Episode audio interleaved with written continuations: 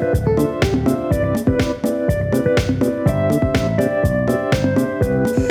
selamat datang di Agenda, serial podcast oleh RMI. Halo semuanya, balik lagi di agenda RMI. Eh, aku Sifu, aku kampanye staff kampanye di RMI. Saat ini aku nge-host nggak sendiri. Aku ditemenin sama Kak Ajeng. Halo Kak Ajeng. Halo Sifu.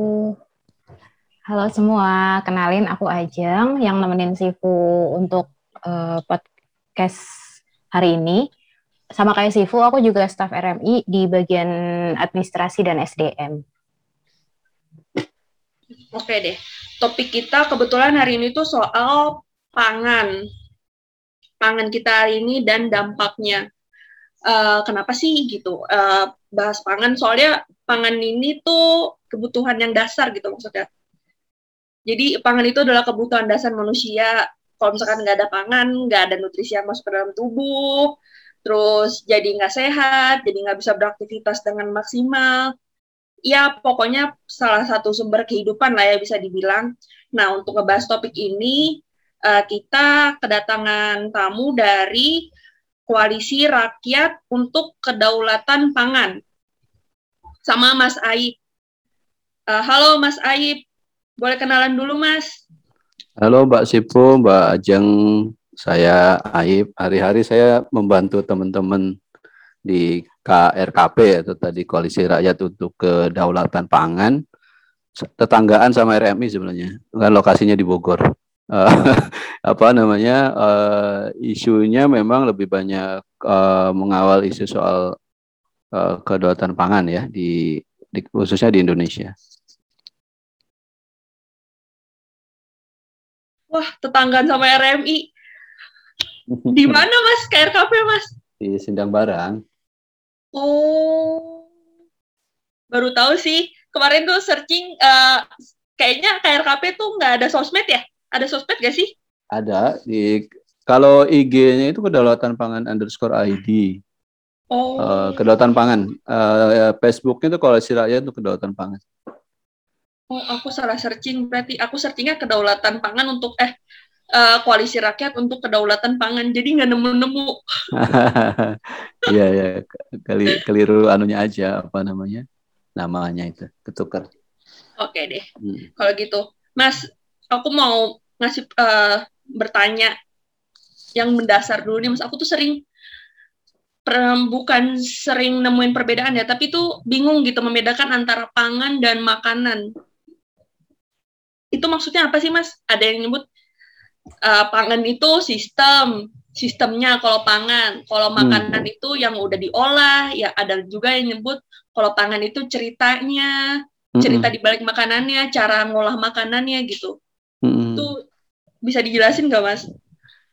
Ya ini sebenarnya tergantung konteks juga ya kalau ngomongin eh, pangan atau makanan gitu. Eh, Hmm. Terminologinya berbeda juga tergantung apa namanya tadi ya eh, konteksnya. Bahkan eh, nggak cuman pangan, kadang-kadang juga kita saru antara eh, misalnya gizi, nutrisi, eh, pangan, makanan tuh biasanya ketuker-tuker tuh balik-balik ya. Nah secara umum kan kalau kalau merujuk pada Undang-Undang Pangan 18 2012 misalnya eh, pangan itu kan semua jenis eh, apa namanya eh, zat atau maka- makanan bahkan gitu ya yang memenuhi kebutuhan eh, gizi kita untuk hidup sehat dan layak gitu ya kira-kira. Dan eh, pangan itu dimensinya menjadi sangat sangat luas. Bisa kategorinya bahan bisa kategorinya eh, produknya sendiri dan eh, luas juga dalam arti kalau selama ini kan selalu saja eh, di alam bawah sadar kita ketika ngomong pangan itu apa sih? Kita yang pikir selalu beras kan padahal dalam Iya. termin eh, definisi di berbagai eh, definisi di undang-undang termasuk misalnya itu eh, eh, pangan itu dari darat maupun laut kan eh, ininya jenis jenisnya jadi eh, sumber eh, sumber protein dari darat maupun laut, sumber kar- eh, kalori di darat maupun laut gitu. Eh, cuma sayang itu tadi persepsi kita selalu dalam bawah sadar kita ngomong itu adalah eh, beras. Nah, ada juga yang mengatakan kalau makanan itu produk olahannya, jadi yang sudah siap di, dimakan gitu. uh, ada yang mengkategorisasikan begitu juga. Jadi kalau pangan itu bisa bahan bakunya termasuk bahan bakunya. Nah kalau makanan uh, ada juga yang mendefinisikan dia yang siap siap dikonsumsi, kira-kira begitu ya. Uh, tapi esensinya sama, uh, dua-duanya mengandung zat gizi yang dibutuhkan oleh oleh kita untuk hidup sehat. Nah, yang kedua sering juga saruan, ketukar maksudnya bukan saru, antara uh, apa namanya gizi dan nutrisi. Ya sebenarnya hanya istilah-istilah saja. Kalau yang di terminologi umum soal uh, pangan dan gizi gitu di berbagai ya. dokumen ya, misalnya di RPJM, kemudian di undang-undang, di peraturan pemerintah dan turunannya itu yang digunakan hmm. kalau di konteks manusia itu pangan dan gizi bukan pangan dan nutrisi. Nah, nutrisi hmm. itu lebih cenderung dipakai untuk uh, mendefinisikan zat yang dibutuhkan untuk tumbuh dan berkembang pada hewan. Biasanya begitu. Oh. Uh, jadi misalnya nutrisi untuk uh, pada pakan uh, ayam atau pakan sapi kayak gitu. Nah, kalau di apa di uh, konteks uh, manusia itu biasanya pakai uh, gizi ininya uh, apa terminologinya istilah-istilahnya. Tapi menurut saya nggak nggak perlu anu ya apa namanya uh, uh, si apa namanya bingung dengan itu uh, cuman mungkin ya harus pas aja penggunaannya. Ya, ya uh, saya saya ingin me-highlight satu bahwa pangan maupun makanan tadi uh, uh, jangan dikonotasikan pada satu jenis tertentu. Kedua hmm. juga jangan dikonotasikan pada sumber uh, pangan dari wilayah tertentu. Misalnya selalu kan kita satu tadi bias beras, yang kedua bias darat gitu. Ketika ngomong pangan, itu sih. Oke deh mas.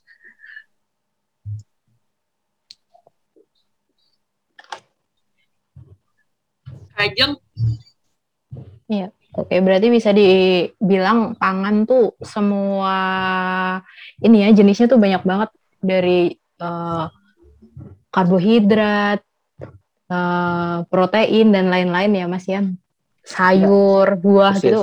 Persis. Uh, dan Jadi se sebarannya pun ya itu tadi saya bilang kadang-kadang kita kan ngomong pangan itu beras, jatuhnya kan mm -hmm. cuma di, yang dibayangkan cuma sawah. Padahal kalau ngomong pangan dalam konteks lanskap Indonesia, itu mau nyari apa sih yang nggak ada Indonesia gitu. Mau iya. mulai dari da, laut tuh ikan, sampai ke hutan, ikan. sampai ke hutan. Jadi kalau lanskapnya uh, apa highland apa namanya highland terus kemudian uh, tengah sama lowland itu semua kita kaya banget gitu.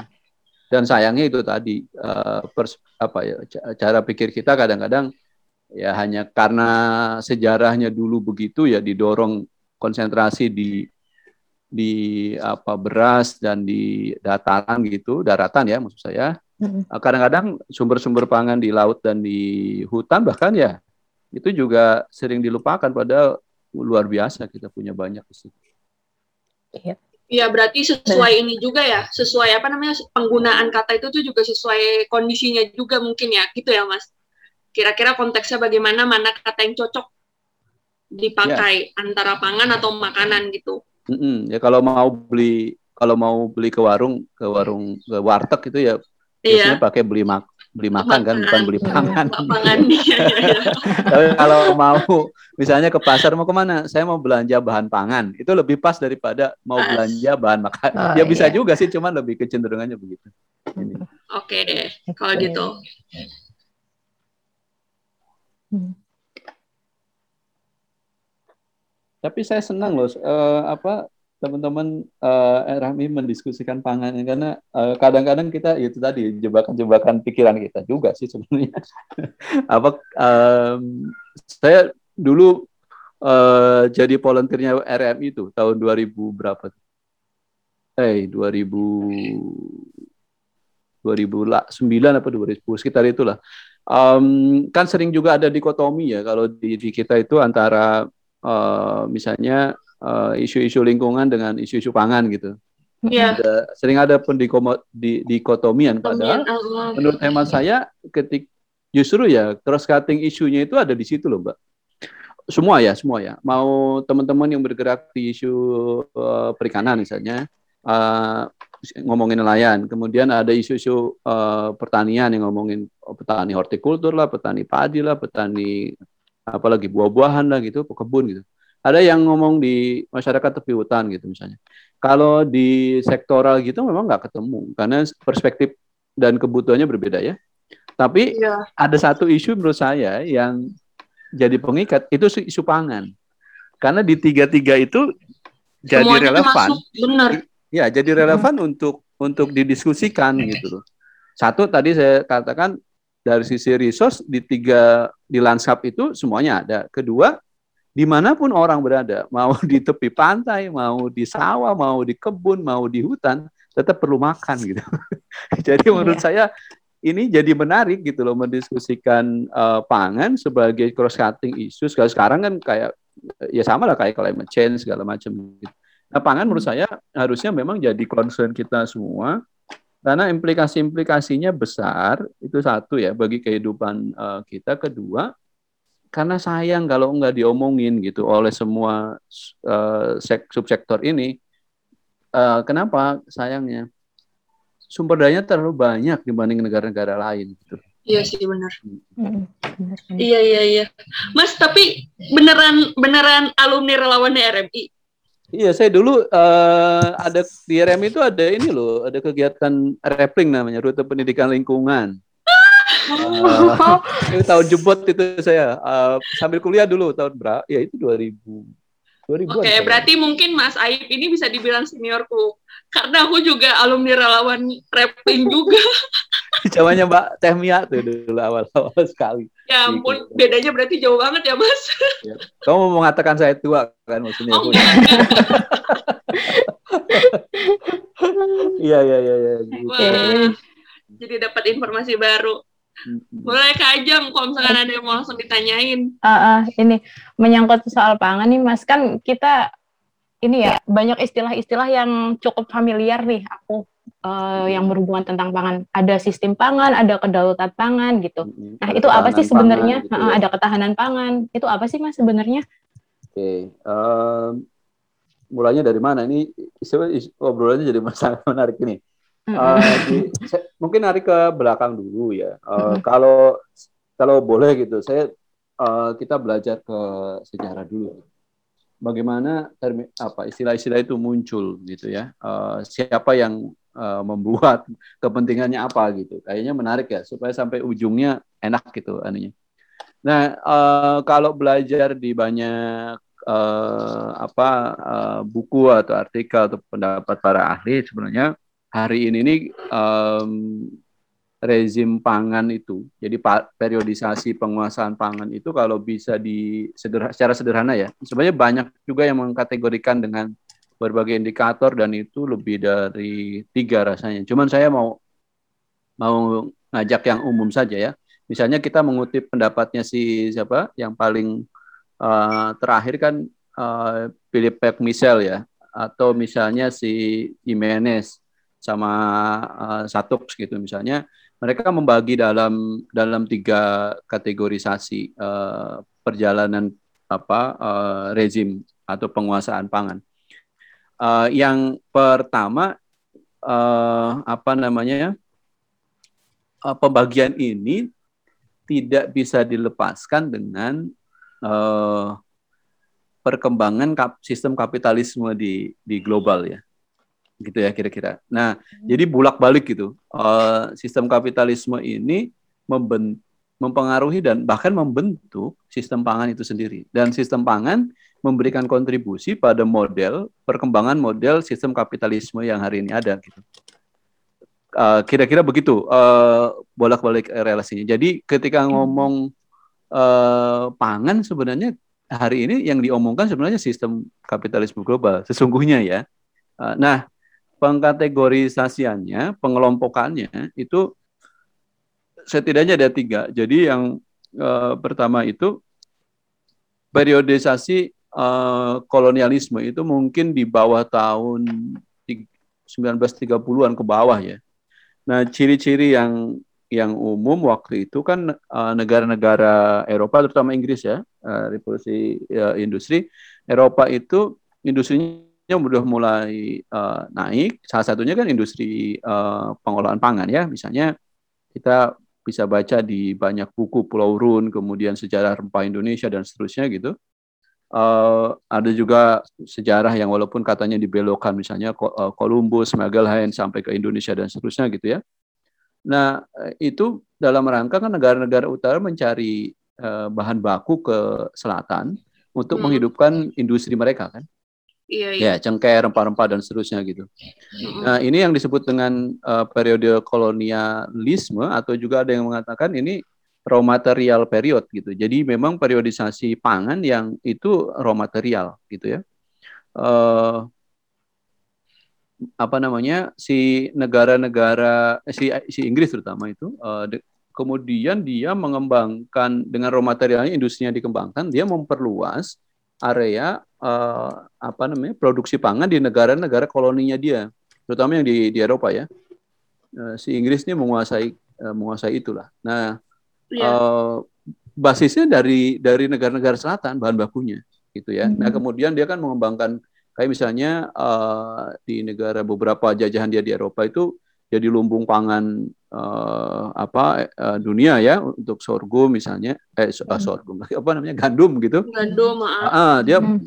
produksinya meningkat berkali lipat uh, industrinya maju kuat lah nah uh, yang yang pada titik itu sesungguhnya ekonomi Eropa itu ditopang oleh pertanian gitu ya dan relasinya dengan industri tadi karena kan dia revolusi industri itu ya jadi satu sisi dia menghidupkan uh, industrialisasi dia dengan uh, uh, bertumbuh pada raw material dari selatan, pada sisi yang lain dia memperbesar kapitalisasinya itu dengan mengembangkan pertanian ala Eropa gitu.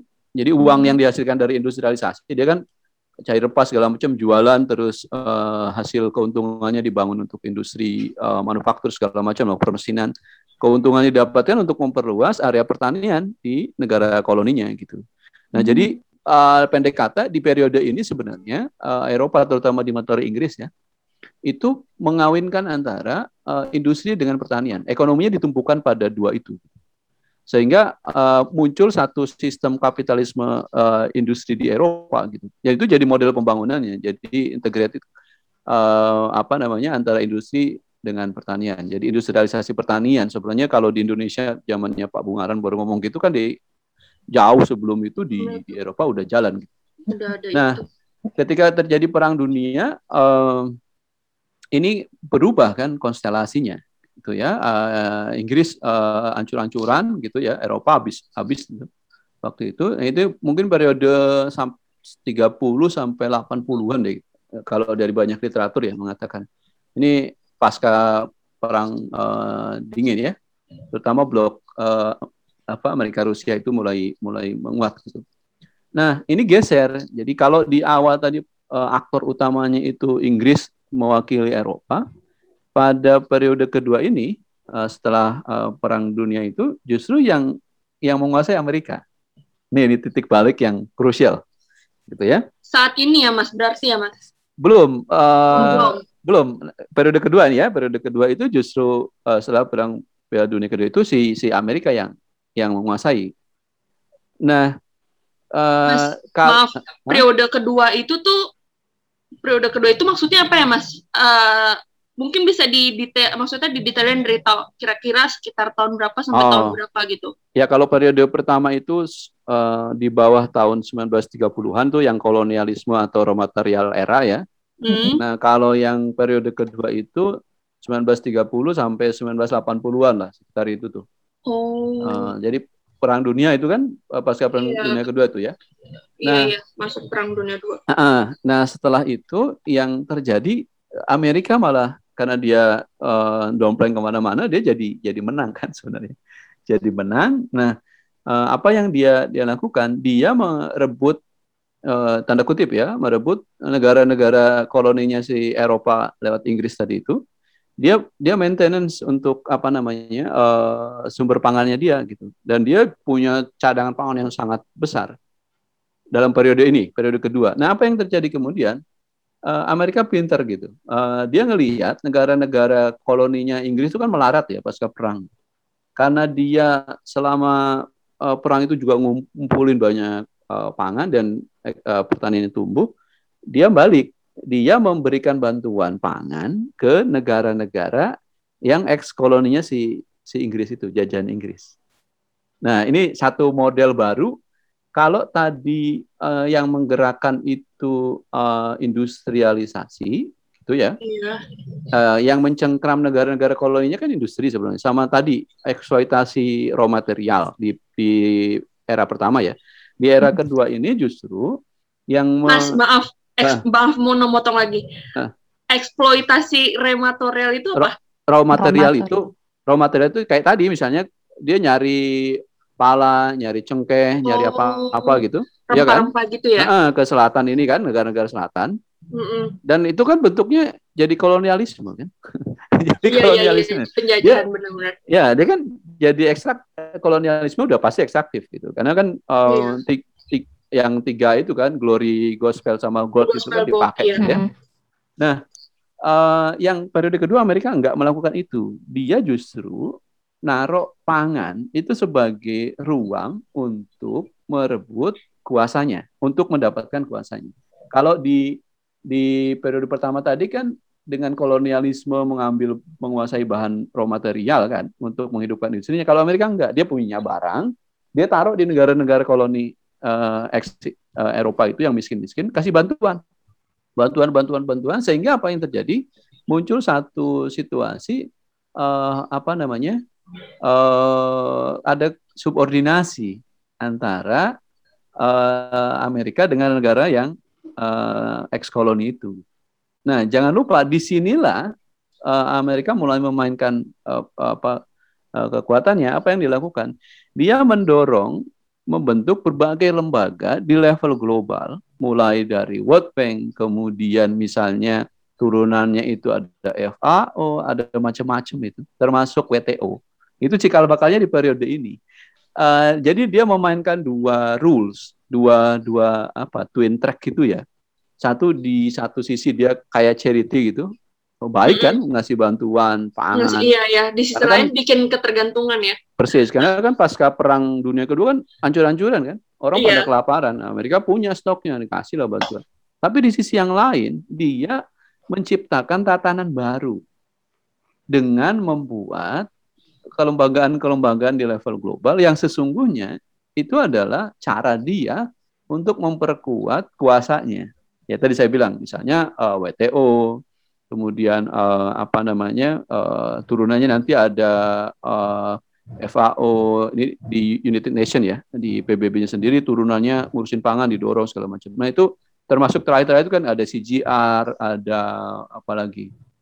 Oh, banyak sekali lembaga internasional yang didorong eh, ngurusi termasuk ngurusi urusan pangan gitu ya. FAO kan eh, dengan eh, SPSSM mekanismenya itu dia juga bangun eh, trade soal ngatur soal pangan kan, perdagangan Iya. pangan. Iya. Jadi dia dia di Amerika itu pakai dua dua cara gitu. Satu eh, bantuan tadi, yang kedua dia bikin eh, institusi yang kepentingan dia taruh di situ sehingga semua orang ketika ratifikasi dan masuk jadi membersnya dia udah nggak bisa ngapa-ngapain dong yang ngatur Amerika kan sampai sekarang tuh gitu.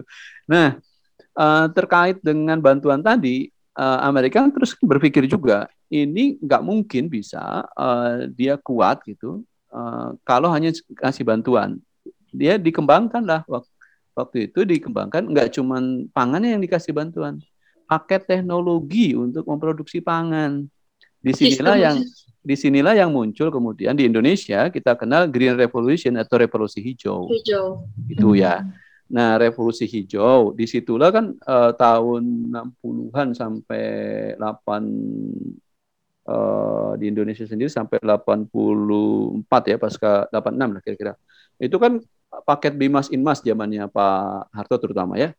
Itu kan dari sini eh, produknya pikirannya si Amerika itu. Jadi eh, upaya-upaya penyeragaman produksi pangan mulai dilakukan gitu ya. Hmm. karena nggak cuman kalau masih dengar nenek kakek kita dulu oh pernah dikasih ma- makan bulgur gitu. Sebenarnya kan itu gandum yang campur buat pakan ternak ya dikirim ke Indonesia tadi karena dia kasih bantuan pangan. Oh kelaparan tuh negara-negara bekas jajahannya Inggris sama negara-negara di selatan karena miskin habis perang. Pasti ada bantuan kan pangan. Habis itu baru oh Hmm. nggak bisa harus juga dikasih bantuan teknologi supaya produksi tapi nggak gratis loh gitu eh, nih teknologinya gue sediain nih, ada pupuk, ya. Mulai dari situ kan or, uh, kita Iya. uh, mengenal Iya, pupuk iya. sintetis kimia. Mm-mm. Eh, kamu kalau nanam nggak bisa itu hanya pakai benih biasa. Nih, eh, kami punya nih benih Kasih baru. benih. kasih kan? benih ya. Muncullah IR, muncullah apa segala macam gitu yang dikembangkan di Mhm. Mm-mm. di lembaga-lembaga yang dia bikin tadi itu gitu loh, lembaga riset. Kayak CGR itu kan lembaga riset pertanian ya. Nah, iya dia dia nyiapin dulu gitu. Twin track itu dia jalan gitu. Nah, eh, apa yang terjadi di di periode ini satu bahwa ada terjadi eh, apa namanya eh, kuasa atas eh, pangan negara-negara miskin eh, atas Amerika itu ya. Jadi Amerika menguasai eh, kamu kalau nggak kasih bantuan mati loh. Makanya kalau mau nggak mati, gue kasih bantuan, terima juga nih paket teknologinya yang disebut revolusi hijau. Jadi begitu kira-kira situasinya. Oke, Nah. itu pada saat itu. Isunya apa yang dipakai? Isunya adalah bahwa tidak boleh ada orang kelaparan di muka bumi ini. Kita harus tahan pangan. Ini nih, konsep masuknya ke sana. gitu ya. Oh, Oh. oke. Oke. Dari Nah. Eh, di dua periode ini, di dua periode ini, itu jargonnya keren banget. Oh ya keren dong, menyelam, bantuan pangan kan menyelamatkan kehidupan orang. Setuju, setuju Iya. semua negara. Siapa yang ngelawan? Nggak ada nggak setuju daripada rakyatnya mati kan. Kita harus tahan pangan gitu. Nah, eh, apa namanya konsep ini kemudian didorong kuat dan masuk di FAO. Coba track eh, kalau kita nge-track ya, ya, paradigmanya FAO dari mulai di awal ya eh, didirikan sampai sekarang nggak berubah, masih eh, food security, masih ketahanan pangan gitu. Ya, eh, ya karena tadi eh, pengaruhnya cara pikirnya si si penguasa pangan ini. Nah, itu di tahap tahap kedua. Eh, pendek kata, kira-kira begini.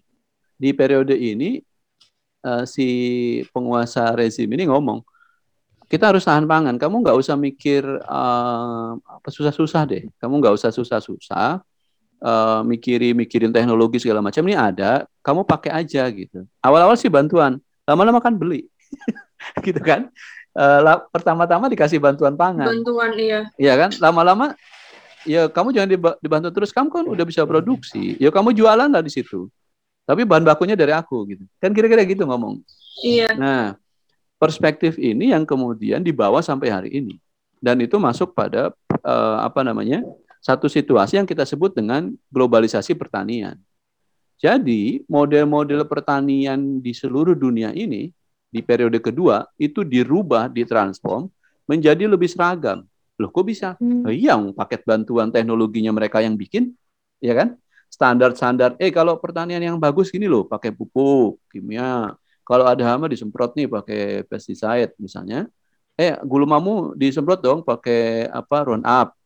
Eh, eh, apa namanya? Benihnya yang bagus dong, yang kayak punya kita nih, ini aku punya nih. Jadi dibikin seragam. gitu. Dan eh, apa namanya? Sadar tidak sadar pada satu titik eh, mereduksi eh, kekayaan eh, pangan kita. Nanti dilanjut di di apa era ketiga ya. Jadi ada satu proses di periode kedua ini globalisasi pertanian. Ya. Hmm. Eh, dan mulai masuk eh, lewat transfer teknologi tadi itu paket revolusi hijau eh, negara melibatkan transnational corporation. Jadi mu- mulai melibatkan perusahaan. Jadi kalau di zamannya Inggris tadi di periode pertama, era pertama itu fully full itu yang menguasai atau yang mengoperatori lah kira-kira begitu rezim pangan itu adalah negara. Ya.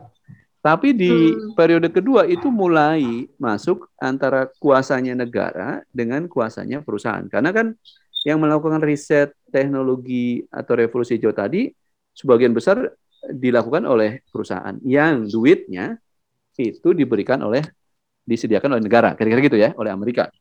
Hmm.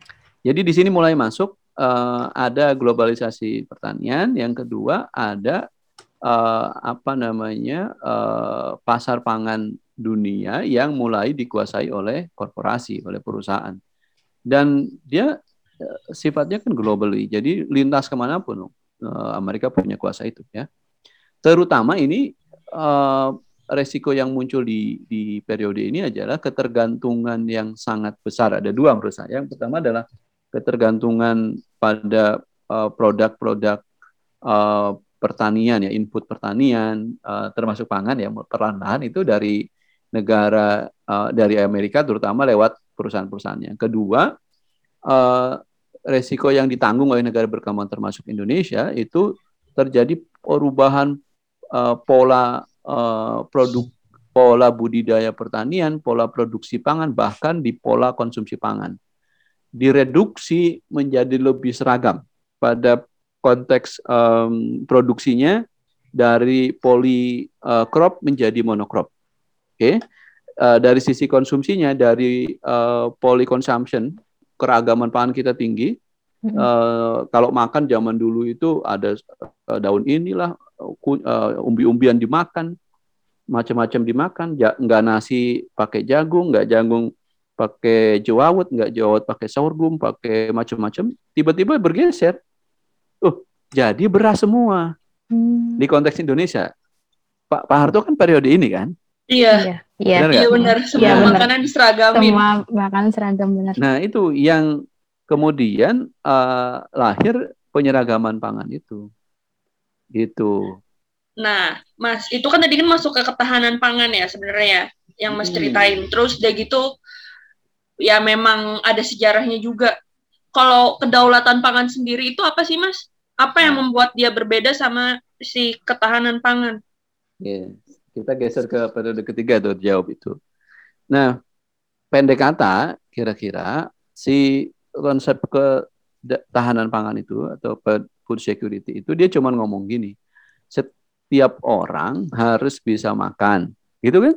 Setiap orang harus bisa mengkonsumsi dan mendapat gizi yang cukup supaya hidup sehat setiap orang bisa mengakses itu. Udah selesai di situ. Dia tidak mempersoalkan siapa konsep ini ya, tidak mempersoalkan siapa yang memproduksinya itu pangan, bagaimana cara memproduksinya, dari mana datangnya. Dia nggak peduli, nggak peduli itu. Yang penting orang jangan kelaparan dong. Pokoknya ada iya. makanan yeah. gitu.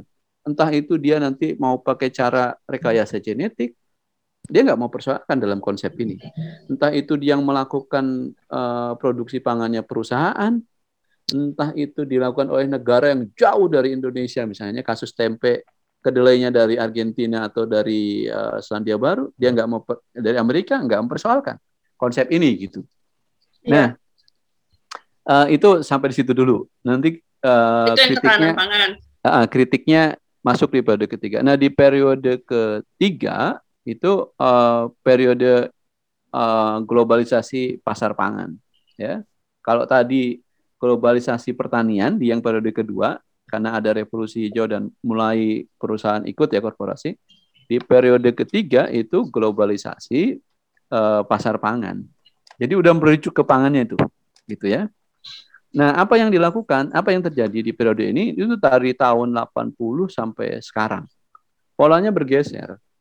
Kalau di periode satu yang sebelum eh, revolusi industri tadi Inggris ya Eropa itu operatornya negara, periode kedua itu rezim kedua itu uh, negara dan korporasi. Di yang ketiga ini yang menguasai rezim pangannya itu korporasi murni. Jadi big companies kayak contoh Unilever. Eh, boleh nyebut nggak nih? boleh nyebut nama nggak? Boleh kok mas. Oh, boleh ya. Boleh uh, boleh. Misalnya uh, Unilever, kemudian Nestle uh, untuk uh, pangan ya. Untuk di input pertanian misalnya ada Monsanto, ada Bayer, bahkan Bayer eh Monsanto dibeli iya. Bayer ya. Iya. Kemudian Monsanto ada, Bayer udah jadi satu mas. Ya betul. Uh, ada Syngenta, terus ada uh, misalnya uh, China Chemical, macam-macam yeah. lah iya. yang gede-gede itu menguasai dari mulai urusan uh, mesin pertanian, uh, obat semprot, pupuk, benih, sampai ke produk turunan pangannya. Itu di periode sekarang 80 ke sini itu semuanya sudah di, dalam konteks global ya dikuasai oleh korporasi. Nah, negara apa perannya? Negara-negara kayak tadi Amerika, Eropa, mereka hanya memperkuat kelembagaan-kelembagaan yang tadi dibentuk di periode kedua. Jadi hari ini eh, negara-negara uh, maju di utara itu terus memperkuat kayak misalnya uh, konteks WTO ya. Amerika itu luar biasa ngeyel dan bandel dia mempertahankan status quo kan. Uh, terus yang kedua dia bikin traktat-traktat baru untuk menjamin bahwa kuasa di atas pangan lewat uh, apa namanya uh, perjanjian-perjanjian di tingkat global menang dia kan gitu. Iya. Nah, yang operator di lapangannya itu perusahaan. Dan negara udah dia cuma ngasih ini aja apa namanya ngasih supporting misalnya kayak China ya. Itu free uh, free tax. Misalnya kenapa ke Indonesia murah sih? Jeruk Cina gitu. Karena dia dapat dua double double free tax kan. Di negaranya dia disubsidi pajaknya untuk ekspor nyampe ke Indonesia dikasih free juga oleh pemerintah Indonesia. Nggak ada pajak impor. Kan ngeri kan? Oh, gitu kira-kira. gitu. nah kira-kira begitu. Nah uh, di periode ketiga ini jadi konsolidasi uh, rantai pangan itu dilakukan oleh perusahaan-perusahaan besar. Dari yang bahan baku sampai ke ke ini ya dan ke olahan jadi. Dan kita bisa lihat juga jaringan-jaringan internet eh internet uh, supermarket tuh jaringan rantai inilah ya kayak misalnya uh, daging daging-dagingnya itu Tyson Group tuh uh, ke Indonesia uh, perusahaan anak perusahaan-perusahaannya ya apa namanya koleganya yang importir-importir banyak banget gitu. Nah itu menguasai jaringan daging tuh.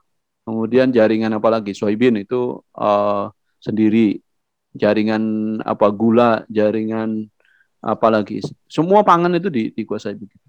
Dan di periode ketiga ini yang yang menarik. Ada dua hal yang baru yang muncul, ya. Selain revolusi supermarket ya, kalau dulu kan orang di periode kedua di fase kedua ya di di rezim kedua orang masih bisa uh, apa tradisional market tuh jadi sesuatu yang yang common ya, yang yang jadi andalan. Nah, di periode ketiga karena perusahaan yang mengoperasikan dan dia pakai jargon pangan itu harus uh, fresh, harus segar segala macam, terjadi revolusi kan, hmm. revolusi supermarket. Jadi pangan itu uh, diolah dan disajikan oleh supermarket yang mereka miliki sendiri sampai sekarang. Kayak menyebut uh, yang warna-warna di apa supermarket kecil-kecil di Indonesia ya, kayak Indo atau Alfa itu kayak gitu. Itu kan juga bagian dari kerangka uh, model kayak begini kan, gitu. Uh, jadi revolusi supermarket sekarang lihat aja di desa apa yang terjadi orang lebih nyaman belanja di minimarket kayak gitu kan ketimbang ke pasar-pasar gitu. Ini harus kita kita pahami uh, situasinya nggak nggak serta merta begitu kok gitu. Perubahannya tadi tiga periode itu sampai terjadi di desa pun orang lebih milih belanja daripada di warung kecil ya. Terlepas dari iya. bahwa warung kecil nggak bersih segala macam, well itu hal yang technically. Tetapi bahwa ada satu satu uh, apa namanya perubahan yang didesain oleh oleh pihak tertentu untuk begitu kan. Nah, yang kedua, si perusahaan-perusahaan agribisnis ini, perusahaan-perusahaan yang bergerak di di pangan ini ya apa uh, transnational corporation, akhirnya kalau di periode kedua dia hanya menyediakan teknologi, kemudian suruh petani yang nanam, ya enggak? Iya. Terus habis mm -hmm. itu panennya mereka ambil, terus mereka olah jual. Nah di periode iya. ketiga dia juga nggak cuma ngandelin petani petani yang sudah ada. Kan kalau yang umum kan kalau kita tahu ya kayak di sawit itu kan, plasma inti itu kan model-model kayak begitu kan. Atau misalnya di di produk-produk pertanian kebun kayak uh, jagung, Jawa Timur banyak banget yang kontrak lah. PT BC misalnya kontrak dengan Gapok Tan mana gitu. Nanti hasilnya iya, iya, diambil. Iya. Nah, pada periode ketiga juga mulai mulai merambah. Jadi si perusahaan-perusahaan sendiri mulai mengakuisisi atau memproduksi bahan pangan uh, bahan baku pangannya sendiri. Yang kemudian kalau periode ketiga teman-teman ngamati bagaimana hutan di Indonesia habis tuh perlahan-lahan, itu salah satunya karena modusnya begini. Gitu. Ya, untuk dibuka hmm. yang paling banyak kan sawit ya. Hmm. Atau misalnya tiba-tiba ada perkebunan di NTT ada di Sumba ada perkebunan uh, apa namanya tebu sama tembakau gitu misalnya. Itu ratusan uh, puluhan ribu hektar gitu misalnya dia dulu, dulu nggak nggak kayak gitu. Dia beliin aja dari petani. Tapi sekarang geser semua kan kayak begitu. Yang siapa si Monsanto dengan Sandini uh, anak perusahaan yang di Indonesia. Uh, itu bikin uh, apa namanya uh, korpo, apa namanya estate uh, padi walaupun nggak berhasil ya di Jawa Timur itu luas banget gitu. Kayak gitu gitu. Nah problemnya adalah uh, terjadi kalau teman-teman masih ingat juga isu land grabbing ya Iya. Nah, mm -hmm. itu sebenarnya satu mod model dari uh, perilaku di periode ketiga ini. Jadi perusahaan-perusahaan besar yang transnasional ini itu mengakuisisi lahan uh, pertanian untuk memenuhi kebutuhan bahan baku uh, industri pangan mereka supaya usaha dan penguasaan rantai pangan dunia itu tetap mereka pegang gitu. Ya. Untung yang kalau masih ingat di 2000 zaman SBY yang Merauke Food Estate itu kan sempat juga mau masuk yang Bin Laden Group kan? Itu mau ngambil berapa juta gitu uh, hampir setengah jutaan ya untuk di Merauke untuk untuk padi gitu. Um, atau misalnya di negara-negara Afrika sekarang habis itu kan dibagi-bagi oleh China ya. Uh, kapling-kapling lahan pertanian yang nanamnya di sana barangnya dibawa ke Cina. Nanti diolah habis itu dijual lagi ke sana kira-kira begitu anunya oh, gitu. uh, yang terjadi nah uh, Sorry mas mau nanya uh, kan di periode ketiga ini kan ini ya maksudnya kayak uh, pangan itu dikuasai oleh korporasi ya udah hmm. penuh hmm. dikuasai oleh korporasi itu uh, dampaknya gimana sih mas di masyarakat sendiri kayak dari di lingkungannya gimana terus buat hmm. petaninya gimana buat kesejahteraan mereka itu dampaknya ya. sampai saat ini yang terlihat sangat nyata tuh gimana Ya, ya. Nah, di periode uh -huh. untuk menjawab itu di periode ketiga itu jargonnya kan masih masih ketahanan pangan ya. Orang pokoknya harus dapat makan gitu. Udah kamu nggak usah capek-capek nanam kalau bahasa kasar gini. Kamu uh, saya sediakan. Yang penting kamu bisa beli gitu. Gitu kan? Hmm. Yang yang apa namanya logik sederhananya dibangun di di sini. Nah, apa sih kemudian implikasinya ketika sistem ngomong ke sistem kan akhirnya kalau kita uh, pada terminologi umum ya definisi umum sistem pangan itu adalah uh, pola interaksi yang jadi satu uh, siklus yang utuh gitu antara produksi, distribusi dan konsumsi. Itu nggak terpisahkan. Dan uh, si korporasi-korporasi ini hari ini itu dia udah menguasai sistem itu. Dia produksi main, distribusi jelas lewat supermarketnya kan. Uh, di konsumsinya dia dorong diversifikasi produk sehingga orang terpengaruh banget gitu. Dia yang menentukan orang mau makan apa itu perusahaan loh hari ini yang menentukan jangan salah. Nah, implikasinya apa ke ke di konteks Indonesia? Mari kita tarik ke konteks Indonesia pada ketiga. Satu yang kelihatan bahwa eh, penguasaan sumber-sumber produksi terutama lahan ya di Indonesia itu luar biasa meningkat oleh perusahaan ini. Eh, kita bisa lihat dah, terutama di mana misalnya yang paling gampang kan di perkebunan ya, sektor perkebunan.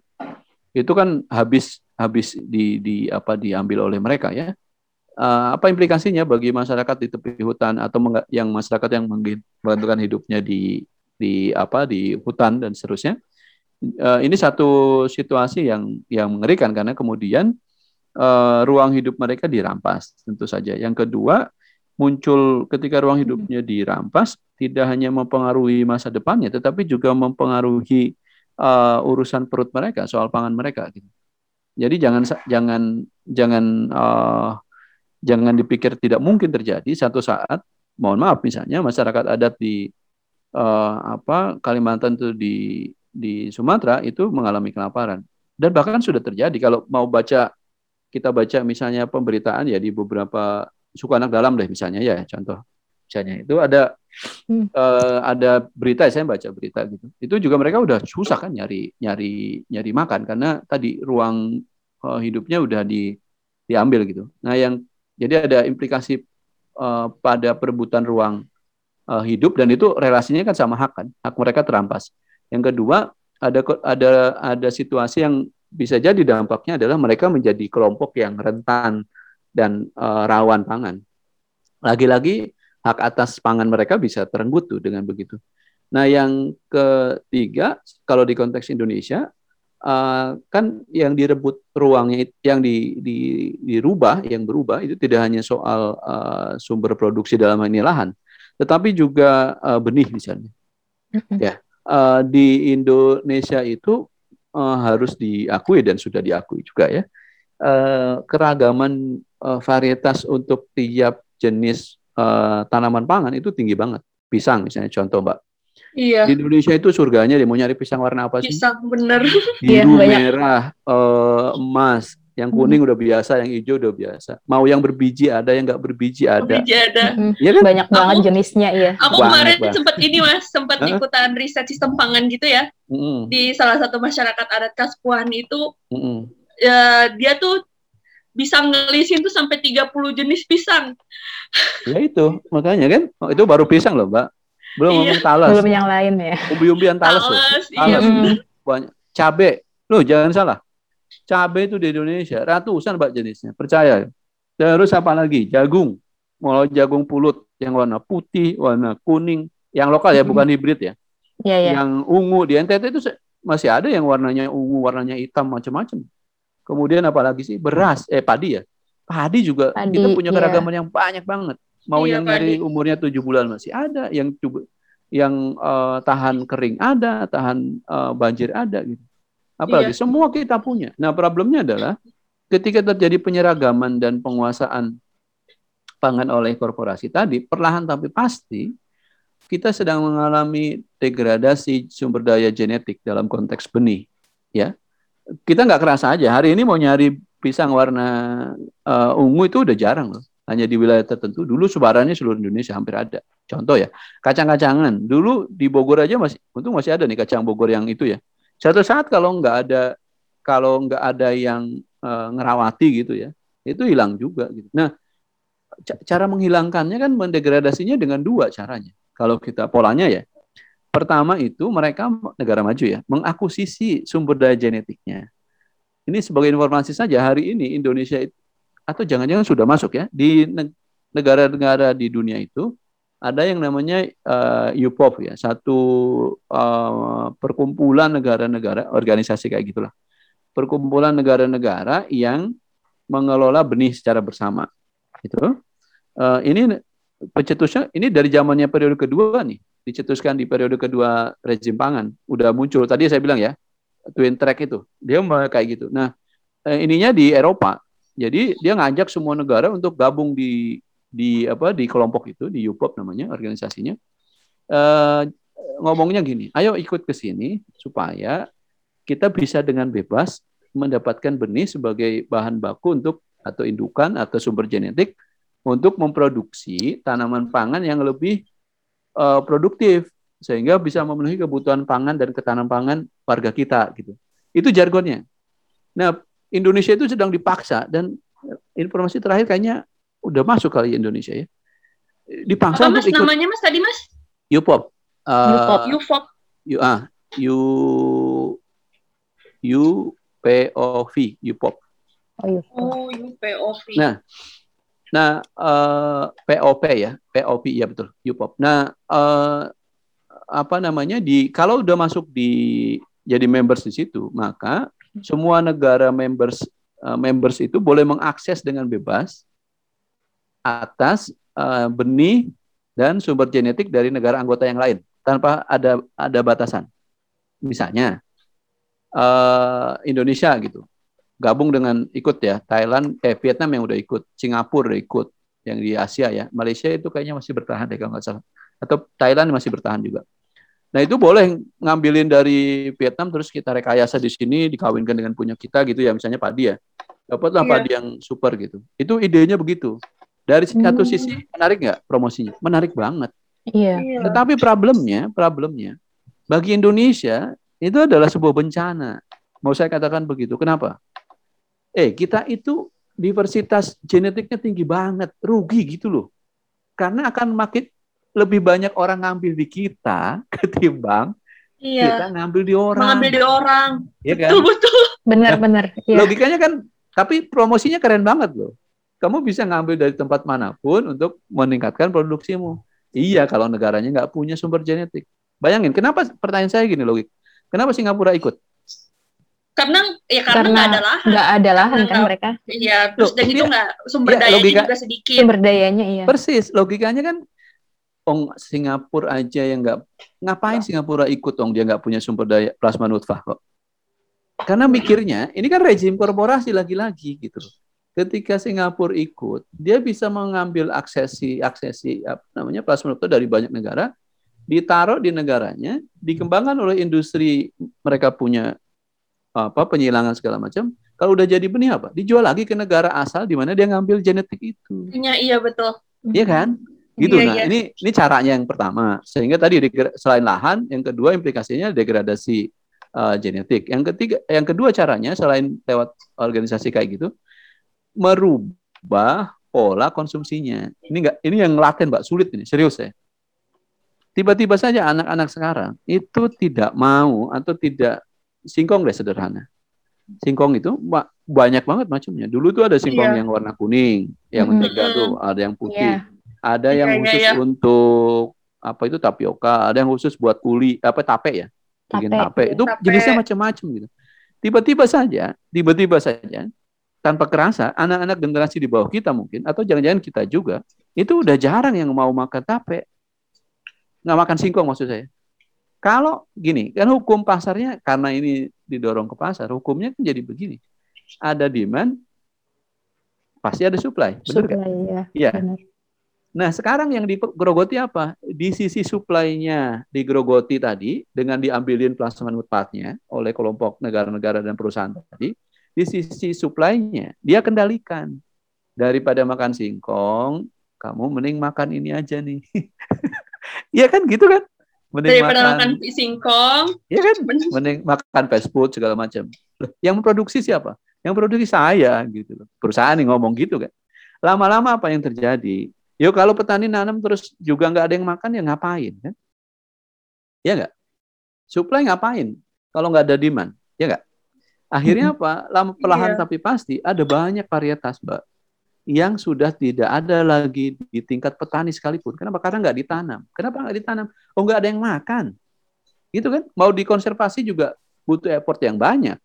Nanam terus tapi nggak cuman buat makan doang sih oke. Tapi kalau nanam banyak terus nggak ada yang jual, nggak ada yang beli kan rugi juga petani kan. Akhirnya secara alamiah hilang itu. Nah, genetik kalau udah hilang nggak bisa dibalikin kan, nggak bisa direcover. Ya udah hilang. Berapa sih? punah aja gitu ya mas. Lah iya Punah, punah. Itu kalau datanya di BP Biogen banyak banget tuh yang yang punah itu pa- apa jenis tanaman pangan kita banyak banget dari banyak jenis itu. Nah, itu kedua. Mas. Yang ke, Hah? Eh, lanjut dulu deh. Mas Nah, yang dulu. ketiga implikasinya apa? Implikasinya adalah eh, tidak hanya lahan, benih, juga pengetahuan dan teknologi bahwa kita dalam kesejarahan hidup di Indonesia itu di tiap komunitas itu punya jenis yang beragam, jenis pangannya. Sistemnya pun beragam. Ya, misalnya di Hmm. Baduy itu ada leweng tutupan, leweng kayak gitu kan? Ada leyit, kemudian di Mhm. Kasepuhan juga sama. Di Iya. Dayak, di Dayak Punan itu eh, juga sistem sendiri, model sendiri. Di Maluku atau di NTT dengan Sasi misalnya yang konteks laut ya, itu ada sistem sendiri gitu. Nah, belum lagi pengetahuan soal bagaimana mengelola lahan di lereng, bagaimana mengelola lahan gambut, bagaimana mengelola lahan yang nggak subur. Secara Iya. tradisional turun temurun, pengetahuan Itu hilang. Hilang. perlahan tapi pasti dihilangkan. Mhm. Bu- bukan hilang, dihilangkan. Dihilangkan. Kenapa dihilangkan? dihilangkan. Karena tadi ada paket revolusi segala macam dan Iya. sekarang udah biasa orang. Pak nggak nanam anu lagi Pak yang eh, tanaman yang lama. Ah Mas produknya sedikit, saya mending beli aja. Jagung nih paling gampang jagung sama hortikultur Mbak. Bagaimana kuasa eh, gambar panah yang warna merah itu perusahaan itu Mhm. terhadap benih-benih eh, hortikultur mulai dari cabai, tomat segala macam. Padahal kita punya banyak sekali keragaman. Tadi saya bilang cabai ya. Tapi sekarang kalau mau eh, usaha budidaya cabai, jarang tuh yang pakai yang lokali. Pasti beli. Dan Iya, problemnya pasti adalah beli, problemnya tanaman-tanaman bibit-bibit yang dijual perusahaan itu tidak ada yang sekali dibeli boleh ditanam-tanam terus gitu. Dia kan hibrid rata-rata kan. Jadi kalau sekali beli, ya udah besok nggak bisa tanam lagi, beli lagi. Kayak gitu kan? Iya. Kalau ditanam-tanam lagi, bahkan ada yang nakal, ya, bukan nakal, kreatif di Indonesia itu. eh, di Jawa Timur misalnya teman-teman itu memuliakan terus muncullah jadi jadi jenis eh, baru itu, itu malah dipenjarakan kan, dikasuskan oleh perusahaannya. Eh, ya petani makin knowledge-nya makin hilang. Kedua, petani makin tergantung pada perusahaan.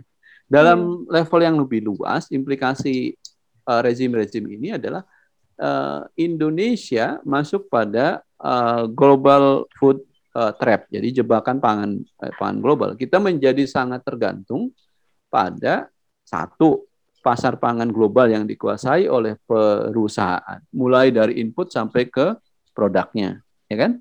Yang kedua, tentu saja menurut hemat saya, uh, kita menjadi sangat tidak berdaulat karena semuanya diatur oleh pasar. Semuanya ditentukan oleh pemilik pasar, yaitu negara apa namanya perusahaan yang itu adalah perwakilan dari negara-negara maju itu gitu. Hari hari ini kita uh, masih beruntung masih ada sedikit walaupun mulai tergerus ya. Sistem pangan yang lokal itu masih ada hidup. Keragaman pangan kita masih relatif ter walaupun terus turun ya, tapi masih ada lah.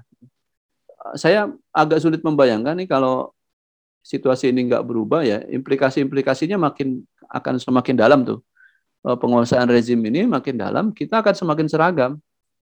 Sekarang aja situasinya ketika COVID aja deh, pandemi dua tahun nih. Awal tahun lalu ya, bulan April, kita paniknya luar biasa gitu. Karena banyak banget pangan kita yang diimpor kan. Iya. Cuma beras, uh, ke, apa kedelai. Padahal tiap hari kita makan tahu, tahu tempe kan. Mm-mm. Tiap hari makan tahu tempe, garam bahkan, gula, daging. Begitu pandemi ini uh, konektivitas antar negara tertutup, kalut kan? Ya, kalut karena yeah. terbatasi segala macam dan resiko gejolak uh, kerawanan pangan muncul gitu. Itu dampak tadi saya bilang. Dampaknya makin tergantung ke pasar global tadi. Karena kita nggak bisa menentukan. Kita punya uang kalau nggak ada transportasinya mau apain? Kita punya iya. uang tapi negara maju, eh negara produsen yang kayak di April itu ngomong Thailand sama uh, mana mbak itu Vietnam udah ngomong, kami akan mengurangi volume ekspor berasnya. Indonesia langsung kelabakan, kan langsung MOU.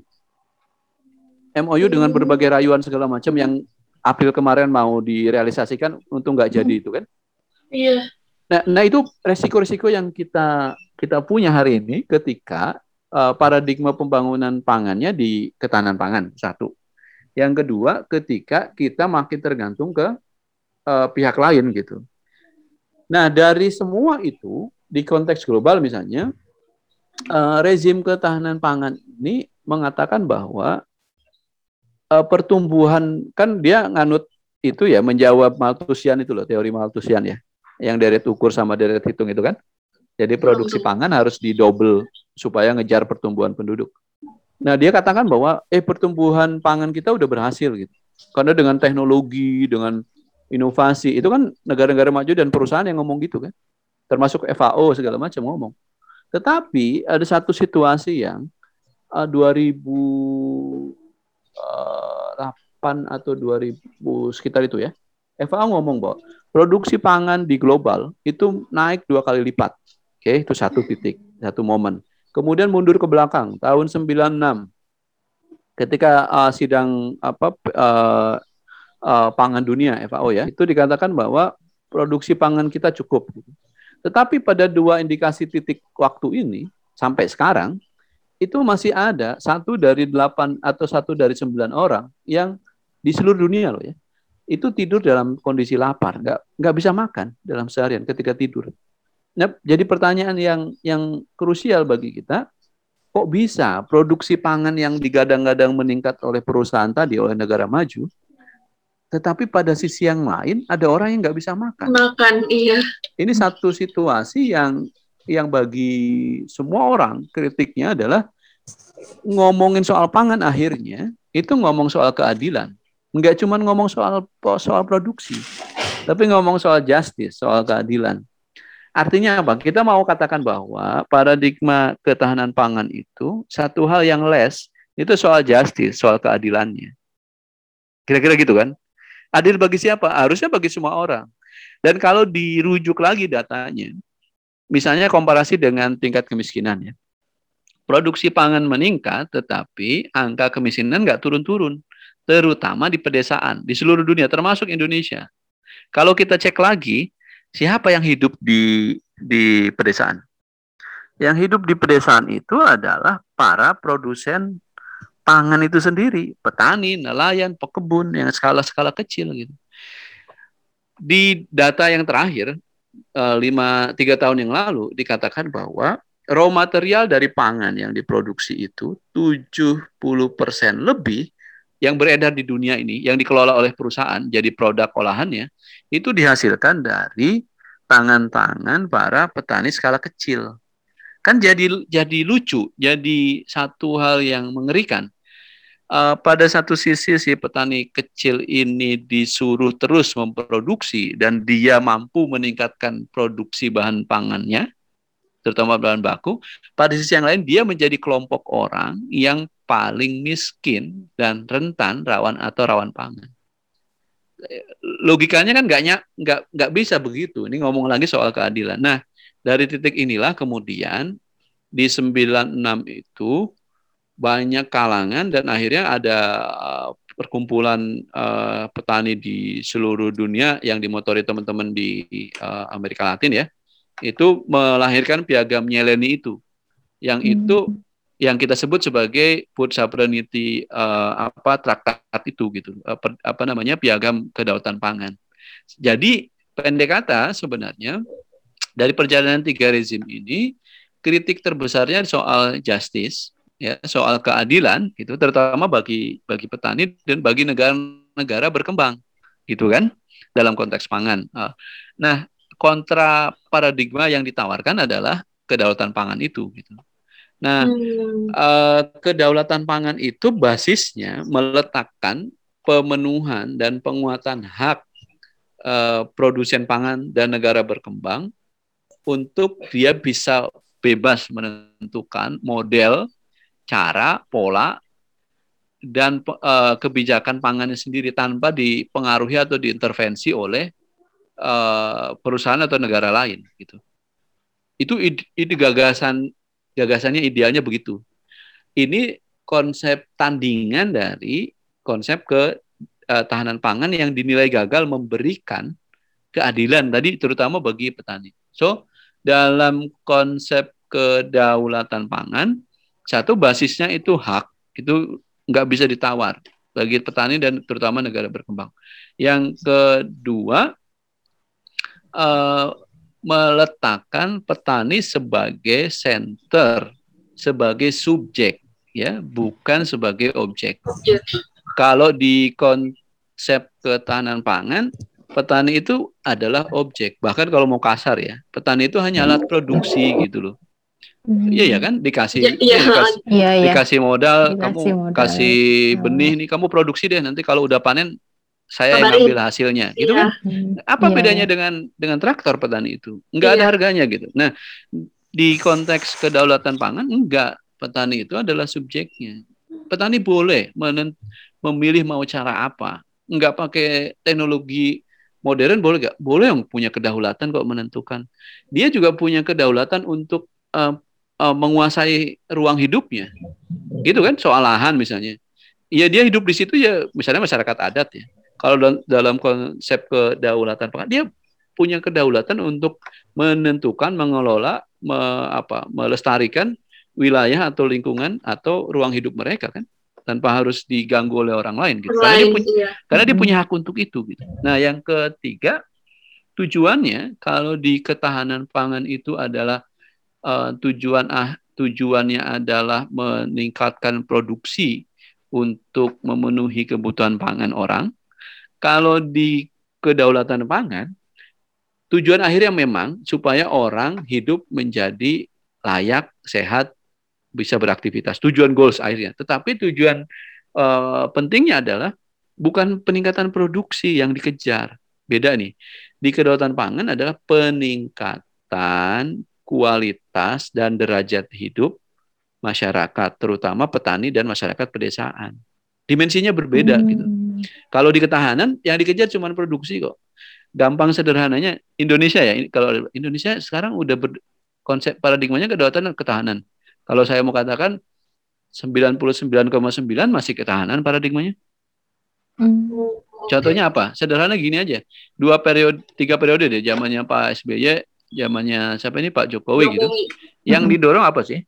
Selalu jargonnya itu adalah revitalisasi pertanian untuk swasembada. Yeah. Yang ini yeah. apa kemarin? Upsus Pajale untuk swasembada gitu. Yeah.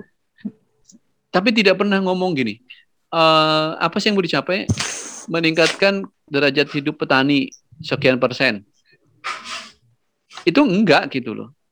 Kalau logik sederhananya kalau kalau uh, supaya orang petani itu sejahtera, kan tentu prasyaratnya harus dipenuhi kan. Oh satu, sediakan dulu lahannya, jangan di jangan di apa namanya jangan diotak-atik jangan dirampas Jangan pas. gitu kan ya kan oh sediakan eh, apa namanya dukungan yang lainnya apa Ya, misalkan kayak Gitu kan? pengetahuan mungkin yang ditambah.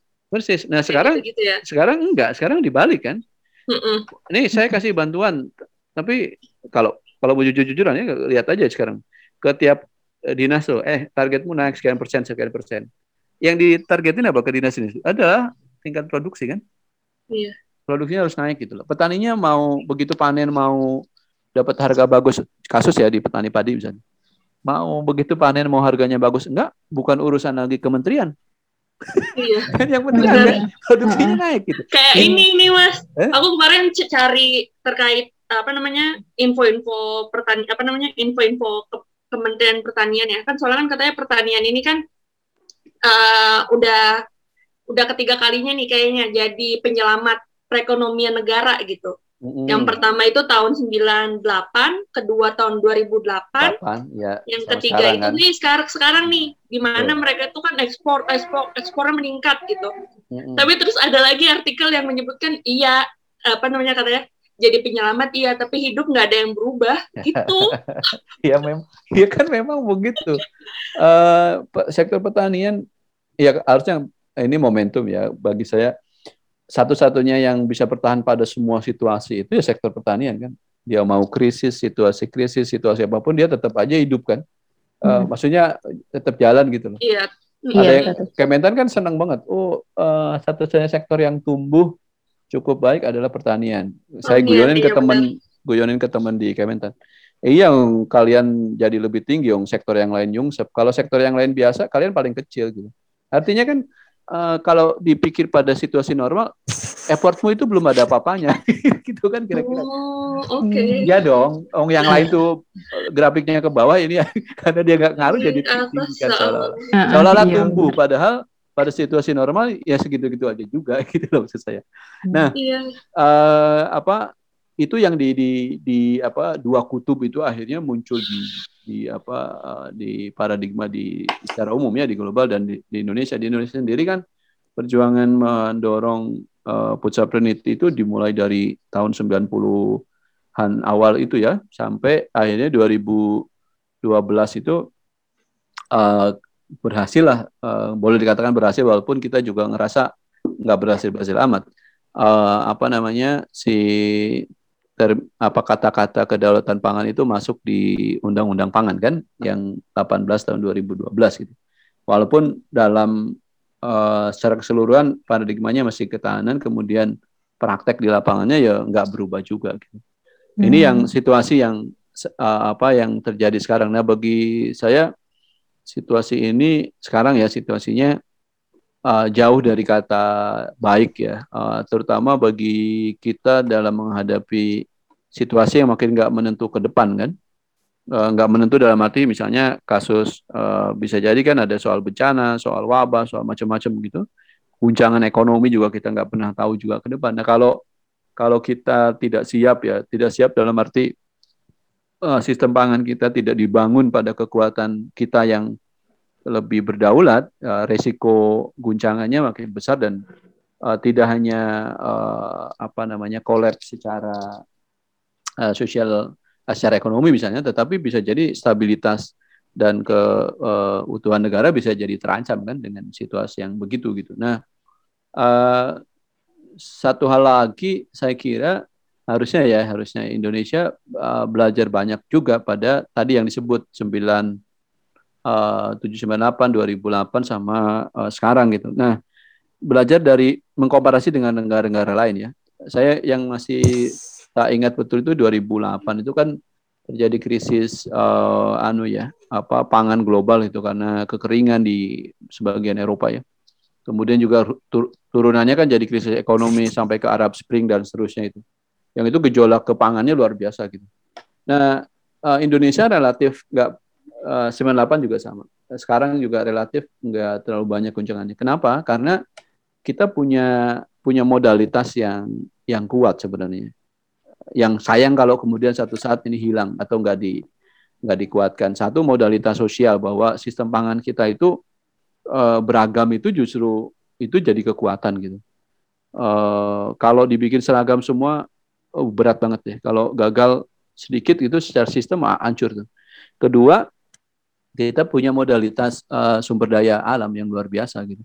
Keragaman pangan kita masih uh, walaupun terus turun relatif masih cukup ya. Nggak uh, bisa makan nasi uh, orang masih bisa makan gaplek, nggak bisa makan gaplet orang masih bisa makan pisang ditumbuk di macam-macam gitu. Iya. Sehingga uh, kalau belajar di 2008 ya, saya komparasi dengan Filipina misalnya, itu luar biasa juga anunya goncangannya atau misalnya negara-negara kayak Eropa Afrika ya kayak Sudan segala macam yang yang dia mono uh, mono consumption ya hanya misalnya tergantung ke uh, tepung-tepungan ya hmm. uh, ke gandum gitu itu yeah. begitu ada guncangan luar biasa parahnya orang banyak yang kelaparan Indonesia uh, relatif ada guncangan tapi uh, masih bisa di batas uh, ambang toleransi gitu karena hmm. orang tadi punya pilihan-pilihan gitu loh oh nggak makan ini ya bisa inilah gitu. Nggak bisa makan brokoli ya ada sayur daun singkong kok gitu bisa ditanam segala macam. Nah artinya apa yang mau saya katakan? Kita punya tiga modal tadi. Satu modal sosial ada uh, di situ termasuk knowledge local knowledge lokal uh, apa namanya uh, wisdom dan seterusnya. Yang kedua kita punya uh, modal diversitas yang yang tinggi ya keragaman yang tinggi dari barat sampai ke timur itu dari Aceh sampai ke Papua berbeda sangat banyak yang berbeda dan beragam nggak sa kecuali beras ini hari ini yang yang kedua eh, apa produk gandum ya turunannya. Itu lama-lama kekhawatiran saya itu jadi satu jadi keragamannya makin oh, akhirnya orang semua makan produk gandum sama produk beras tuh satu titik tuh hati-hati. Kalau itu udah terjadi jadi modal kita modal sosial yang kedua modal uh, keragaman ya mulai dari keragaman varietas, keragaman uh, ca bahkan cara ngolah, cara masak ya. Kalau orang luar negeri mungkin kalau nggak digoreng bingung dia atau nggak di oven. Kalau kita ya nggak nggak digoreng ya bisa bisa direbus, direbus dijemur, bisa dibakar, pepes, di, dibakar iya. macam-macam gitu. Tapi satu saat jangan lupa loh keragaman itu bisa hilang. Semua akan tergantung jadi semua digoreng misalnya. Bukan tidak mungkin. Hari ini terjadi kok. Pola kita pola makan kita makin diseragamkan kok. Nah, yang ketiga kita punya uh, kekuatan soal lokalitasnya. Jadi kita punya kelokalan-kelokalan yang yang sangat tinggi ya. Di, bahkan uh, kalau regio barat, tengah, timur gitu, kalau di regio aja bisa diturunkan lagi bahkan tiap suku ya, karena kita suku keragaman sukunya tinggi ya. Suku Sunda itu punya kelokalan sendiri soal konteks pangan ya. Uh, suku ya. mana lagi? Uh, Dayak, suku Ma, oh banyak banget gitu. Oh, ke Papua mungkin Asmat misalnya. Nah, tiga kekuatan ini menurut saya harusnya uh, jadi jadi pijakan gitu. Dan ini modal untuk kita berdaulat. Gitu. Ini persoalannya kan pertanyaannya, mau nggak kita mengambil paradigma itu? Mau nggak kita me memanfaatkan kekayaan yang tadi orang negara lain nggak punya. Musim kita dua, apa sih mau nyari apa gitu? Panas ada, hujan, air ada gitu. Nggak perlu takut karena ada salju terus harus dibukukan pangannya dulu. Enggak gitu. Kayak gitu kira-kira Mbak ininya. Oh saya jadi jadi curhat soalnya. Enggak apa-apa sih Mas. Kalau aku pribadi sih jadi apa ya? Uh, ternyata tuh sedalam itu gitu loh permasalahannya. Karena kan karena pertama isu pangan ini kan tidak banyak dibicarakan ya. Kalau misalkan nggak, maksudnya untuk menghubungkan dia sama korporasi itu bagaimana, si pangan ini sama korporasi itu kayak gimana, terus perubahannya pun tidak begitu dirasakan, ya udah, hmm, cuma gaya hidup ya pasti akan berganti gitu. Hmm. Tapi ya pas ngomongin kayak gini sih aku jadi inget be beberapa waktu lalu sempat maaf beberapa waktu bentar mas maaf. Hmm, hmm Misalnya kalau kalau saya tuh nih sampai nunggu Mbak Sipu, kalau apa? Kalau kayak perampasan lahan segala macam itu kan kelihatan ya. Dan kita iya. bisa bisa aware, bisa apa ya, konsolidasinya gampang gitu. Sebenarnya yang laten tuh yang lebih berat ya. Tadi kayak tadi um, perubahan pola konsumsi gitu. Jadi sekarang itu gempurannya kan di dua sisi ya. Di sisi supply, penyediaan bahan bakunya dia kuasai, dia rebut bahkan ke lahan sama benihnya dia kuasai, dia juga sekarang main pada sisi demand, pada sisi permintaan. Iya. Permintaan pangan sekarang orang itu yang mengendalikan bukan orang itu loh. Beneran serius. Coba pikir-pikir deh. Yang mengendalikan itu sekarang eh, perusahaan. Contoh ya, contoh nih. Misalnya eh, PT A lah misalnya. Dia eh, produksi makanan eh, terbaru nih menggabungkan dengan Indonesia dengan Korea misalnya. Dan itu dilepas ke pasaran. Dulu kita nggak kebayang dan nggak pengen beli itu. Tiba-tiba saja kita jadi pengen beli itu dan terus ketagihan gitu. Karena sudah Iya. biasa dengan dengan itu, ya lama-lama yang lain lupa kan. Ya sudah Iya akhirnya akhirnya sangat tergantung. Itu juga terjadi kalau saya nggak tahu teman-teman Mbak Sipu, Mbak Ajeng kalau main ke Kasepuhan gitu, itu juga saya ngelihat trennya kan begitu juga. Yang paling gampang itu kalau saya nggak mati ya, itu bagaimana lidah kita sudah sangat ter apa ya ter- Kontaminasi ya. Iya, oh, iya benar. Terpolakan, terpolakan dengan produk turunan gandum. Iya benar-benar. Iya benar. Bentuknya ada yang roti, Kayak ada yang mie kue, gitu ya. gorengan, mie, roti macam-macam. gitu. heeh. Dulu saya punya petanya itu. Di tahun 80-an itu eh, pabrik eh, pengolahan tepung itu hanya 5 ya. Sekarang itu 36. Bayangkan, Hmm. artinya apa? Artinya permintaan eh, demand-nya kan makin tinggi. Loh, kok bisa demand-nya tinggi? Oh, yang tiap hari dikasih itu lama-lama lidahnya suka, ya jadi Iya, ketagihan benar-benar. terus. Dan tadinya makan sekali satu biji, karena jadi hobi, jadi suka banget, ya bisa tiga, bisa empat kan gitu. Terus yang kedua, sebarannya dulu hanya di Jawa nih. Yang lima itu kan hanya di Makassar pabrik itu ya. Kemudian sisanya di Jawa gitu. Nah sekarang udah di mana-mana. Yang pergerakan produknya juga kayak roti ya. Itu di Papua sampai eh, saya kapan tahun itu ke sana teman-teman yang di kayak Paniai, Dogiai itu juga udah biasa aja makan roti itu. udah Iya. biasa juga makan mie, mie instan gitu.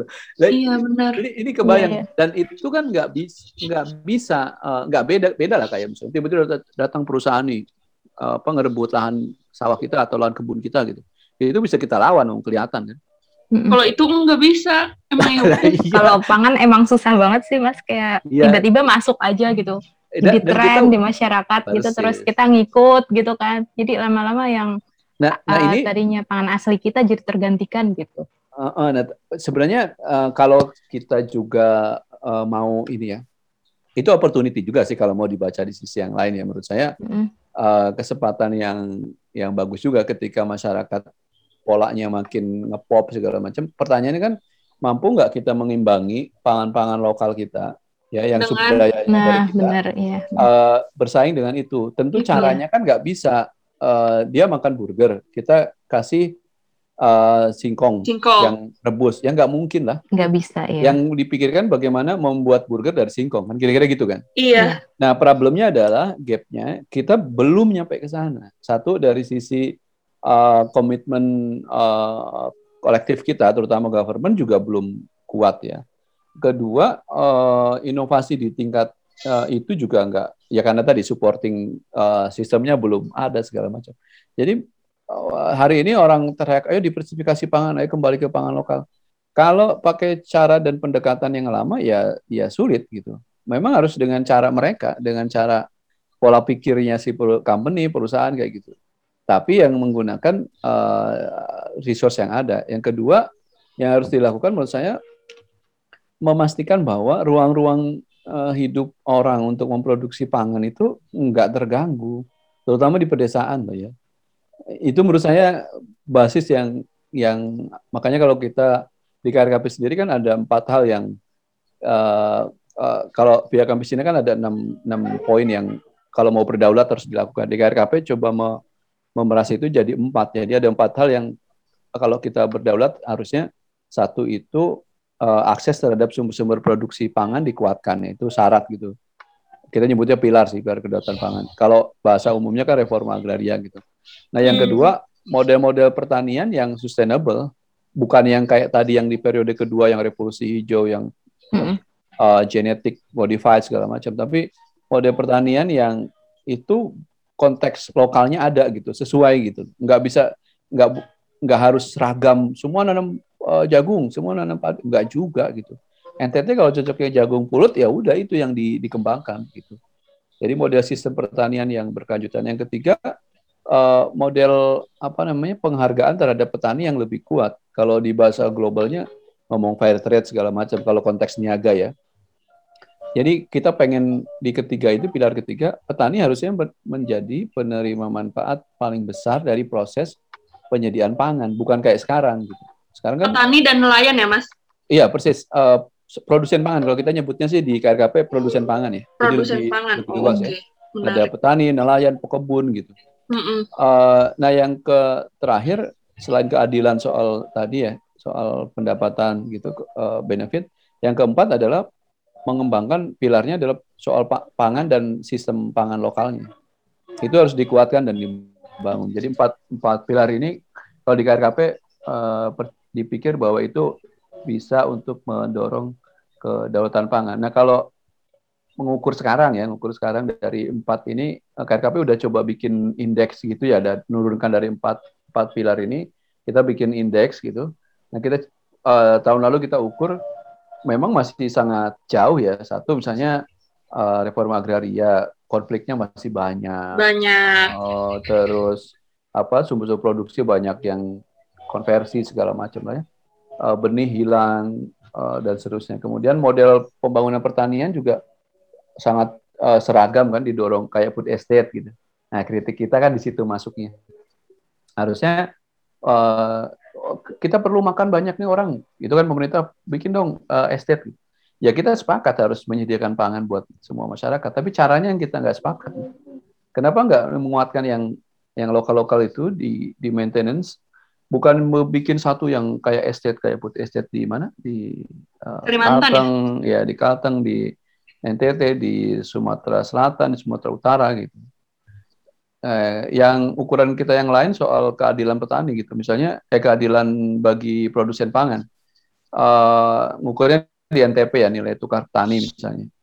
Atau nilai tukar uh, nelayan juga. Itu juga masih kecil banget keuntungannya. Bahkan yang para pelaku distribusinya dapat keuntungan lebih besar. Uh, pangan lokal oh masih jauh. Kita dominasi lidah kita udah bahan bakunya udah bahan baku impor semua kok gitu. Ininya yeah. begitulah kira-kira ini. Mas, uh, aku agak mundur sedikit nih Mas tadi hmm. ngomongin rekayasa genetik. Mm uh, itu kan kayaknya kan kalau untuk orang awam itu nggak terkait nggak terpikirkan gitu rekayasa genetik bahan pangan itu kayak apa sih gitu. Hmm. Tapi kan kalau misalkan bisa di ini mungkin kayak buah-buahan yang gak ada bijinya gitu ya mas. Hmm. Nah, kayak gitu-gitu, hmm. ya kayak gitu-gitu kan sebenarnya kan lebih diminati ya sekarang. Hmm. Hmm. Dibanding dengan yang lokal-lokal. Pokoknya ya, impor ya. tuh lebih kayak impor lebih, lebih baik gitu ya. Iya. impor tuh lebih baik deh gitu. Pokoknya impor hmm. udah pasti bergizi gitu. Hmm. Terus balik lagi nih mas. Kadang kalau misalkan ada impor-impor kayak gitu tuh kadang suka diproyekin juga gitu nggak sih mas? Atau ya maksudnya apakah ada yang mengambil keuntungan dari situ gitu? Terus itu yang pertama. Terus yang kedua kenapa itu tuh jadi lebih digemari gitu? Hasil-hasil rekayasa genetik itu kenapa jadi lebih lebih digemari tadi? Ya, ya uh, satu yang dari uh, genetik uh, yang modified ya. Jadi kalau diumumkan pemul di pemulihan uh, tanaman itu dikenal ada ada hibrid ya uh, hibrida gitu. Uh, isunya kan memang untuk meningkatkan produksi produksi ya. Iya. Uh, hibrid, kemudian ada juga trans uh, genetik. Jadi uh, kalau hibrid itu masih sesama tanaman biasanya kan. Iya. Biasanya uh, cabai tadinya dia uh, apa namanya kecil-kecil tapi pedas gitu. Terus uh, direkayasa, disilangkan segala macam jadi uh, besar dan pedas gitu. Nah, hibridnya sendiri merujuk ke bahwa pengelola apa pengelolaannya lagi. Uh, agak teknis ya jelasinnya agak agak teknis. Ya. Kalau menghilangkan benih itu, itu kan ada hasil silang A dengan B itu ketemu. Iya ketemu uh, AB kan, itu biasanya F1 disebut ya, indukan. Nanti dimurnikan lagi jadi F2 terus sampai uh, F kalau di padi ya, di padi itu stabil itu sampai F12. Jadi 12 hmm. kali uh, pemurnian gitu kan. Itu yang dijual ke mana-mana tuh ke apa namanya? ke masyarakat ya. Dan itu mungkin ditanam lagi, mungkin tumbuh, mungkin gitu. Nah, yang hibrid itu secara technically sama juga cuma kayak nyilang, cuman yang yang dia edarkan itu yang uh, apa namanya bukan yang udah final gitu. Jadi masih diindukannya. Makanya kenapa kalau dia tanam ini beli ini sekarang terus musim depan tanam lagi itu hasilnya nggak sebagus yang sekarang gitu. Pasti biasanya turun dan seterusnya. Karena memang belum yang sengaja dijual yang bukan yang versi final gitu biar enggak biar enggak apa namanya biar enggak uh, biar enggak ditanam ulang-ulang supaya tetap beli gitu. Nah kalau yang uh, genetic modified bisa lintas anu dari tanaman dari hewan ke tanaman gitu misalnya. Misalnya ya ada uh, apa namanya atau dari mik mikro uh, apa uh, hewan tertentu yang taruh misalnya kapas dulu kan yang ramai itu ya. Kapas itu uh, supaya tahan penyakit tertentu itu kan diambilkan dari sel uh, hewan tertentu misalnya dimasukkan ke situ dia jadi tahan gitu. Nah yang modified itu yang itu yang GMO. Nah di Indonesia sendiri kan memang masih dalam uh, trial ya dan kita masih tegas menolak harusnya nggak nggak bisa di negara Eropa sendiri pun beberapa negara kan juga me, masih Menolak, melarang ya? itu kan ya sebagian ada yang membolehkan ada yang masih melarang juga kan Nah, uh, itu teknologinya kira-kira begitu. Di Indonesia yang uji coba setahu saya ya, yang itu tuh ada di uh, dulu ya Lampung itu uh, ini sugar apa itu namanya? Uh, tebu. Tebu terus pisang uh, jagung yang sedang dicoba. Nggak tahu sekarang seperti apa ya. Tapi kita belum ada yang di rasanya belum ada yang dirilis gitu. Nah yang secara teknologi, kalau pertanyaan, secara teknologi boleh nggak sih kayak gitu? Ya secara sains ya bu, sah-sah saja, boleh-boleh saja kan. Mm-mm. Walaupun dari sisi kalau yang tadi ya trans genetically dari uh, hewan ke ke apa ke tanaman gitu kan masih ada etik ya, ada pembahasan soal etik boleh nggak sih gitu. Itu juga perdebatan gitu. Tapi saya di luar uh, hal itu saya yang uh, kalau saya concern uh, pertanyaan baliknya adalah uh, rekayasa genetik modelnya apa pun ya, mau hibrid mau transgenik, yang menguasai siapa gitu. Itu yang yang bagi saya pertanyaan krusial gitu. Kan uh, itu pakai rekayasanya pakai teknologi dan butuh effort, butuh fasilitas. Ya pasti yang menguasai siapa? Perusahaan kan. Dan petaninya gimana? Yeah. Petaninya hanya lagi-lagi jadi objek kan. Jadi jadi pembeli, jadi pasar aja. Nah, itu yang yang bagi saya kenapa pilihannya adalah udahlah pakai yang ada di kita aja yang beragam itu. Kamu nggak usah beli, nggak usah tergantung ke orang. Kalau toh kamu mau memuliakan mereka yasa, mungkin yang perlu kita lakukan adalah mengajari mereka supaya memperbaiki varietas lokal itu supaya lebih produksi lebih baik. Baik. Okay. Tapi penguasanya di mereka gitu loh. Iya iya iya. Bukan bukan di bukan di mereka. Nah, yang kedua soal impor tadi uh, karena tadi ya uh, rezimnya sudah rezim uh, pangan global dan konsumsi pangan kita disandarkan pada uh, apa produksi petani dan uh, negara lain maka mau tidak mau uh, laju perdagangan pangannya kan menjadi sangat tinggi kan? Itu uh, yang kita sebut dengan importasi. Belajar dari banyak kasus gitu uh, tidak ada satu proses importasi yang tidak melibatkan korporasi itu satu. Hmm. Uh, belajar kasus juga di konteks Indonesia uh, tidak ada uh, proses importasi yang besar yang uh, tidak melibatkan pihak-pihak uh, selain pengusaha. Selalu saja terkait dengan pengambil kebijakan dan uh, terkait dengan uh, partai politik kan gitu. Nah, yeah, kenapa yeah, kok yeah. bisa begitu gitu? Karena rente yang dihasilkan dari impor itu besar banget gitu. Itu aja sebenarnya alasannya. Dan kedua, karena tadi uh, re, alu apa rezimnya memang udah re- rezim pasar gitu. Dan kalau belajar ke beberapa customer masuk yang terakhir ya yang kemarin mau jadi terus enggak itu yang impor satu juta eh, Beras. apa beras itu yang Iya. jadi kan di April itu eh, sederhananya saja har- disparitas harga di di dalam negeri dengan luar negeri kan tinggi banget ya Iya. harga di dalam negeri itu selisihnya lebih tinggi di dalam negeri dibanding luar negeri, maksud di pasar global ya. Selisihnya itu sampai 1.500 loh. Sampai 1.500. Nah, kalau taruhlah misalnya shipping, terus perizinan segala macam gitu, habislah misalnya 500 rupiah. Atau 1000 deh, nggak usah nggak usah terlalu kecil. 1000 deh untuk biaya shipping ke sini, oh, macam-macam itu. Jadi keuntungannya taruhlah misalnya 500 rupiah lah sekilo. Sekilo loh ya ini. Lah kalau ngimpornya cuma 10 kilo sih iya dikit. Lah kalau ngimpornya misalnya kayak tahun 2017 itu 2,7 juta ton, 20 satu juta aja deh misalnya tahun kemarin rencana satu juta satu juta ton itu artinya kan satu miliar kilo bener nggak sih Benar. Iya, iya, iya. kali 500 Ya, uangnya udah. kan banyak gitu kan.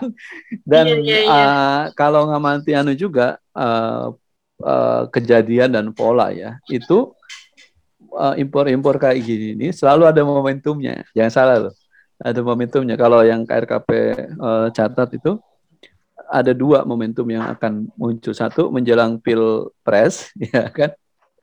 Yang kedua menjelang eh, hajatan-hajatan politik lainnya. Hmm. kasus 2017 buat apa sih 2,7 kan relasinya dengan 2019 kemudian 2000 dulu 2000 rame itu 2007 2008 kalau nggak salah. Itu eh, momentumnya di 2010 kayak gitu-gitu loh mbak ininya. Apa namanya eh, dan itu selalu di, dimanfaatkan. Artinya polanya ya. Polanya Ya, bisa di- begitu. bisa bisa di bisa di track dan ketemu kok polanya gitu dan ketemu pemainnya siapa juga gitu. Oh, Eh, problemnya adalah eh, kan ada yang ngomong ya kalau nggak ada barangnya dalam negeri nggak apa-apa dong ya nggak apa-apa silahkan aja kalau nggak ada dalam negeri problemnya ke- kebayang nggak ketika petani mau panen iya.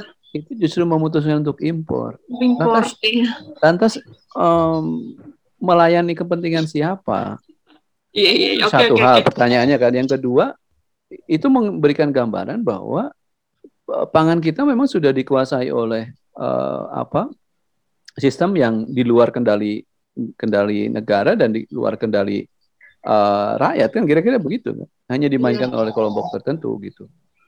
Eh, KRKP kebetulan nih anu eh, sat- dua bulan ini sedang riset pola ini pola impor pangan. Mungkin bulan-bulan depan kalau udah beres bisa share nanti di share juga ininya hasilnya. Wow, menarik. Kemarin kita bahas ini, Mas. Eh, Hmm. apa namanya? Bahas terkait korupsi sumber daya alam. Mm-mm. Eh, gimana Oh, sih? Karena karena kan nggak kebayang banget ya. Kayak untuk kita yang hidupnya di daerah perkotaan dan hidupnya tidak bergantung langsung sama sumber daya alam, itu Hmm. kan jadi sesuatu yang emang bisa apa? Itu gimana ya? Selain di AMDA, perizinan gitu-gitu, emang ada apa lagi gitu di bagian mana lagi yang bisa dikorupsi gitu? Terus Mm-mm. dampaknya tuh ke diri kita tuh apa gitu? Yang hidupnya Ya, tuh nggak ya. bergantung sama si sumber daya alam ini. Mm-mm. Itu menarik juga sih dan kurang lebih sama dengan apa yang disampaikan oleh Mas Aib. Ya, kalau impor-impor gitu kan eh, bisa diinin ya, di track aja. Nguntunginnya ke siapa kayak gitu-gitu sih Mas. Mm-mm. Terus ada mainin harga. Kalau misalkan impor ya harganya juga pasti bakalan ke kitanya memang akan lebih tinggi, jauh lebih tinggi gitu. Mm-mm. Dengan harga yang seharusnya gitu.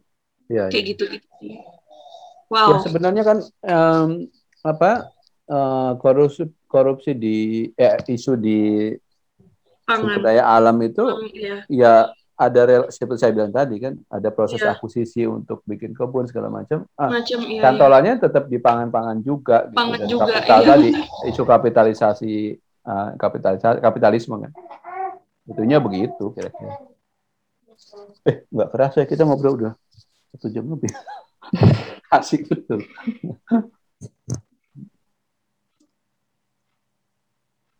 Menarik banget mas. ya saya tuh kok jadi anu ya kayaknya nggak menjawab list pertanyaan yang kemarin kah Oh nggak apa-apa kok. Itu apa-apa, justru Mas. kita tadi udah ini kayaknya udah kejawab semua deh ini sama Mas Uh, oh. ya udahlah kita udah oh ya udah nanti berarti yang belum dijawab yang bagian ininya aja gitu. Oke, ini Mas aku mau nanya eh, terkait ini balik lagi ya ke kedaulatan pangan. Kalau tadi kan kalau yang dipaparkan sama Mas Aib sejauh ini di Indonesia sendiri untuk kedaulatan pangan itu belum apa realisasinya belum terlalu nyata gitu ya. Nah itu gimana sih buat apa ya mendorong biar eh, sis apa kedaulatan pangan itu bisa dilaksanain apakah mungkin bisa dimulai dari lingkup keluarga dulu jadi jadi kayak tiap keluarga Ya, ya. nanem apa yang apa ya mungkin kayak menu kesukaan keluarganya mereka sendiri terus gimana sih anak-anak muda apakah bisa terlibat gitu dalam apa untuk mewujudkan kedaulatan ini sistemnya itu Mas. mengawal sistemnya ini Mm. gimana tuh mas kira-kira Ya saya saya kira eh, apa namanya nggak bisa juga pendekat eh, satu satu pihak atau satu aksi saja. Tapi memang ini Mhm. ini lagi-lagi soal soal paradigma dan komitmen eh, politik berbangsa ya. Kalau memang harusnya sih kalau pikiran normal kita kan harusnya eh, pemerintah karena udah masuk di undang-undang harusnya semua kebijakan dan programnya eh, relay dengan filosofi dasar dari kedaulatan pangan itu sendiri kan.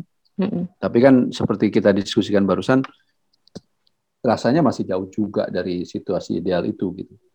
Nah, eh, bagi saya sendiri pendekatan-pendekatan yang bisa kita dorong sebenarnya ada banyak hal ya. Yang pertama misalnya eh, apa namanya tet- tetap saja perlu mengingatkan, menagih, eh, mendorong eh, pemerintah ya untuk eh, melakukan perubahan yang gradual terhadap kebijakan pangannya supaya lebih berdaulat tadi gitu dan itu perannya ada di di kita semua terutama misalnya generasi anak-anak muda ya eh, mahasiswa gitu di level eh, nasional isu ini harusnya jadi isu yang yang common ya di anak-anak eh, mahasiswa kalau di CSO di gerakan itu kan memang sudah umum ya tapi di anak-anak Mhm. muda ya itu satu yang kedua yang potensial juga untuk mendorong perubahan-perubahan di policy terutama yang awal ini eh, anak-anak muda di perkotaan menurut saya yang dia sesungguhnya konsumer gitu.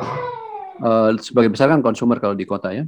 Ini juga punya kekuatan yang besar loh untuk merubah eh, apa situasi pangan kita karena kalau mereka tiba-tiba misalnya yang di kota-kota besar ini berkiblat dari budaya pangan K-pop menjadi budaya pangan lokal gitu ngeri banget itu.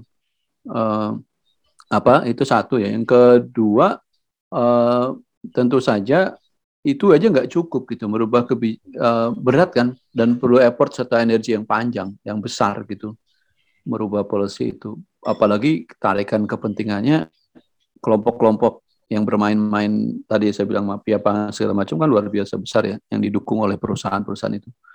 Nah cara yang kedua dan paralel nggak bisa nunggu ini dulu berhasil baru yang sana. Menurut saya membangun eh, evidence atau model-model pada skala-skala kecil gitu. Satu ya pada level konsumer misalnya di eh, di desa atau di di kota mungkin sudah saatnya juga ada satu proses eh, edukasi dan eh, penguatan literasi soal pangan itu tidak hanya urusannya dari mulut, lidah, kerongkongan sama lambung gitu. Hmm. Tapi ada urusannya terkait dengan eh, kehidupan anakmu besok, cucumu lusa, kehidupan eh, eh, bangsa dan negara ini. Kan relasinya kira-kira begitu. Iya. Nah, ini satu proses penyadaran saya kira yang perlu terus dilakukan.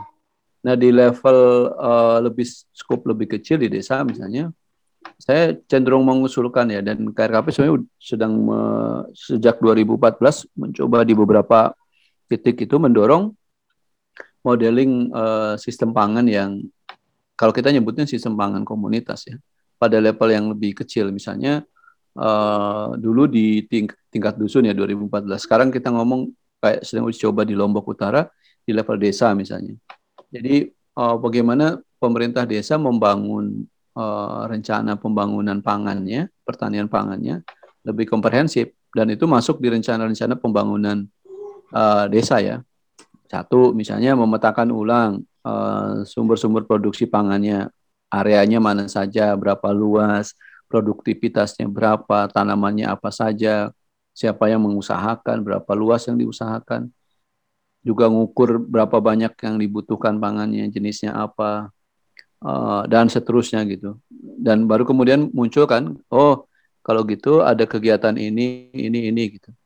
Uh, kira-kira begitu di program desa itu di level desa. Di level kelompok yang lebih kecil misalnya, kelompok tani, komunitas gitu, itu membangun apa uh, model pertanian yang yang sustainable dengan mendorong uh, membalik pola konsumsinya gitu dan di beberapa kasus kayak KRKP di Sumba Timur ya itu kerjasama dengan kelompok mama-mama uh, di sana ya kelompok wanita tani misalnya uh, tani perempuan itu mengembangkan produk olahan. Kita gandeng dengan uh, uh, ahli masak ya chef gitu.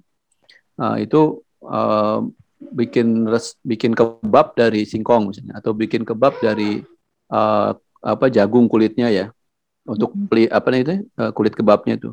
Nah itu berhasil dan karena orang sana udah senang kebab kan ya kita ngikuti tren gitu. Nah menurut saya itu juga perlu di didorong dicoba pada skala ya? dicoba pada skala-skala kecil gitu. Nah yang -hmm. yang berikut tentu saja pada level keluarga Uh, jadi turunan bang saya dari nasional sampai ke level itu harus dilakukan paralel bareng. Hmm. Level keluarga juga perlu ada proses apa namanya penyadaran terus penguatan komitmen di keluarga. Karena menurut saya kunci perlawanannya itu nanti ada di keluarga kok gitu. Ngelubah yang ngelawan ini ya pola konsumsi yang nggak kerasa tadi gitu. Hmm. Misalnya anak-anak dari dari dini kan dari kecil dikenalin uh, sumber karbohidrat tuh nggak cuma nasi tapi ada ini nih sumber uh, protein itu nggak cuman uh, apa ayam yang digoreng di yang lambangnya huruf itu gitu misalnya yeah. ya. Iya. Tapi juga bisa uh, dari ikan, dari apa gitu. Kayak yeah, gitu. Yeah. Jadi dari dari uh, apa namanya dari dan kalau di level keluarga juga menarik kan karena misalnya bagaimana mereka bisa mengajak ke uh, apa namanya uh, ke anggota keluarganya untuk tahu siapa yang memproduksi pangan mereka gitu. Mm-hmm. Mungkin bisa diajarin nanam bahkan kalau mungkin kan di pot di macam-macam kalau di kota ya. Atau dari kecil dikenalkan di kalau di desa diajak uh, bercocok tanam atau kalau di kota ya dikenalin sama petaninya mau beli langsung di petani kayak gitu gitulah. Nah khusus anak muda saya kira memang masa depan pertanian kita kan ada di di mereka ya. Ada di anak-anak muda satu tentu saja inovasi uh, ada di mereka kemudian uh, resource dan tenaga juga masih panjang mereka gitu. Nah, yang perlu di, dikuatkan sebenarnya PR kita terutama di CSO ya. Di KRKP sendiri dari 2014 sebenarnya udah bikin gerakan uh, petani muda di kita ada bikin kayak pemilihan gitu ya duta petani muda sampai 2018 kemarin karena pandemi jadi terhenti sementara cari ini role model apa namanya champion-champion di tiap di seluruh Indonesia dipromosikan terus kita kasih kenyadaran penyadaran bahwa dia harus meng, mengajak uh, anak muda di desanya, di kampungnya untuk bikin kelompok bareng, mengembangkan pertanian sampai pengolah sampai pasar gitu. Nah ini di beberapa titik yang kita punya udah udah punya kelompok-kelompok dan saya kira ini juga gerakan yang terutama anak pemuda desa ya. Uh, eh, RMI saya kira punya potensi dan kekuatan untuk itu juga di daerah dampingannya gitu iya. uh, mengembangkan anak muda karena uh, kan mereka punya kecerdasan yang mohon maaf ya maksud saya Iya iya iya. Mengikuti perkembangan sekarang ya. Sekarang kita lebih iya. cerdas lah ini dibandingkan kita gitu misalnya. Lebih up to date juga. Hmm, hmm, gitu hmm. Mas Saib ini kita tuh udah nggak terasa hampir mau dua jam dong Mas Saib. Aduh, sorry kalau kepanjangan habisnya. Enggak enggak. Ngobrol, tapi tapi memang apa sih ya? Dan harus runut dan kompleks jadi memang butuh waktu yang panjang gitu. Kita pun menyadari itu. Kemarin pada saat kayaknya nggak bisa nih satu jam doang nih kita nih ngobrol-ngobrol pasti bakalan kompleks banget. Pas kalau misalkan searching-searching tuh ya cari-cari berita cari-cari informasi kok kayaknya kompleks banget sih. Kayaknya cuma urusan kalau misalkan aku bisa aku kutip tadi kalau kata Mas Aib kan bukan hanya urusan mulut apa kerongkongan terus masuk ke perut gitu kan. Hmm tapi kan sebenarnya jauh jauh jauh lebih kompleks dibanding itu gitu.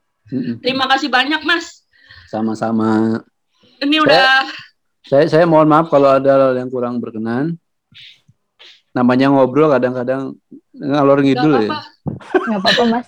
Justru seru sih jadinya. Iya, Mm-mm. ini andai kan waktunya kita punya lebih panjang, mungkin kita bisa undang Mas Aib juga lagi nanti ke Ya, RMI. insya. Allah, insya Ya bisa bisa. Oke deh, Eh, Oke. untuk semuanya terima kasih eh, telah mendengarkan. Sampai jumpa. Makasih Kak Ajeng, makasih Mas Aib. Ya makasih kasih. Sifu.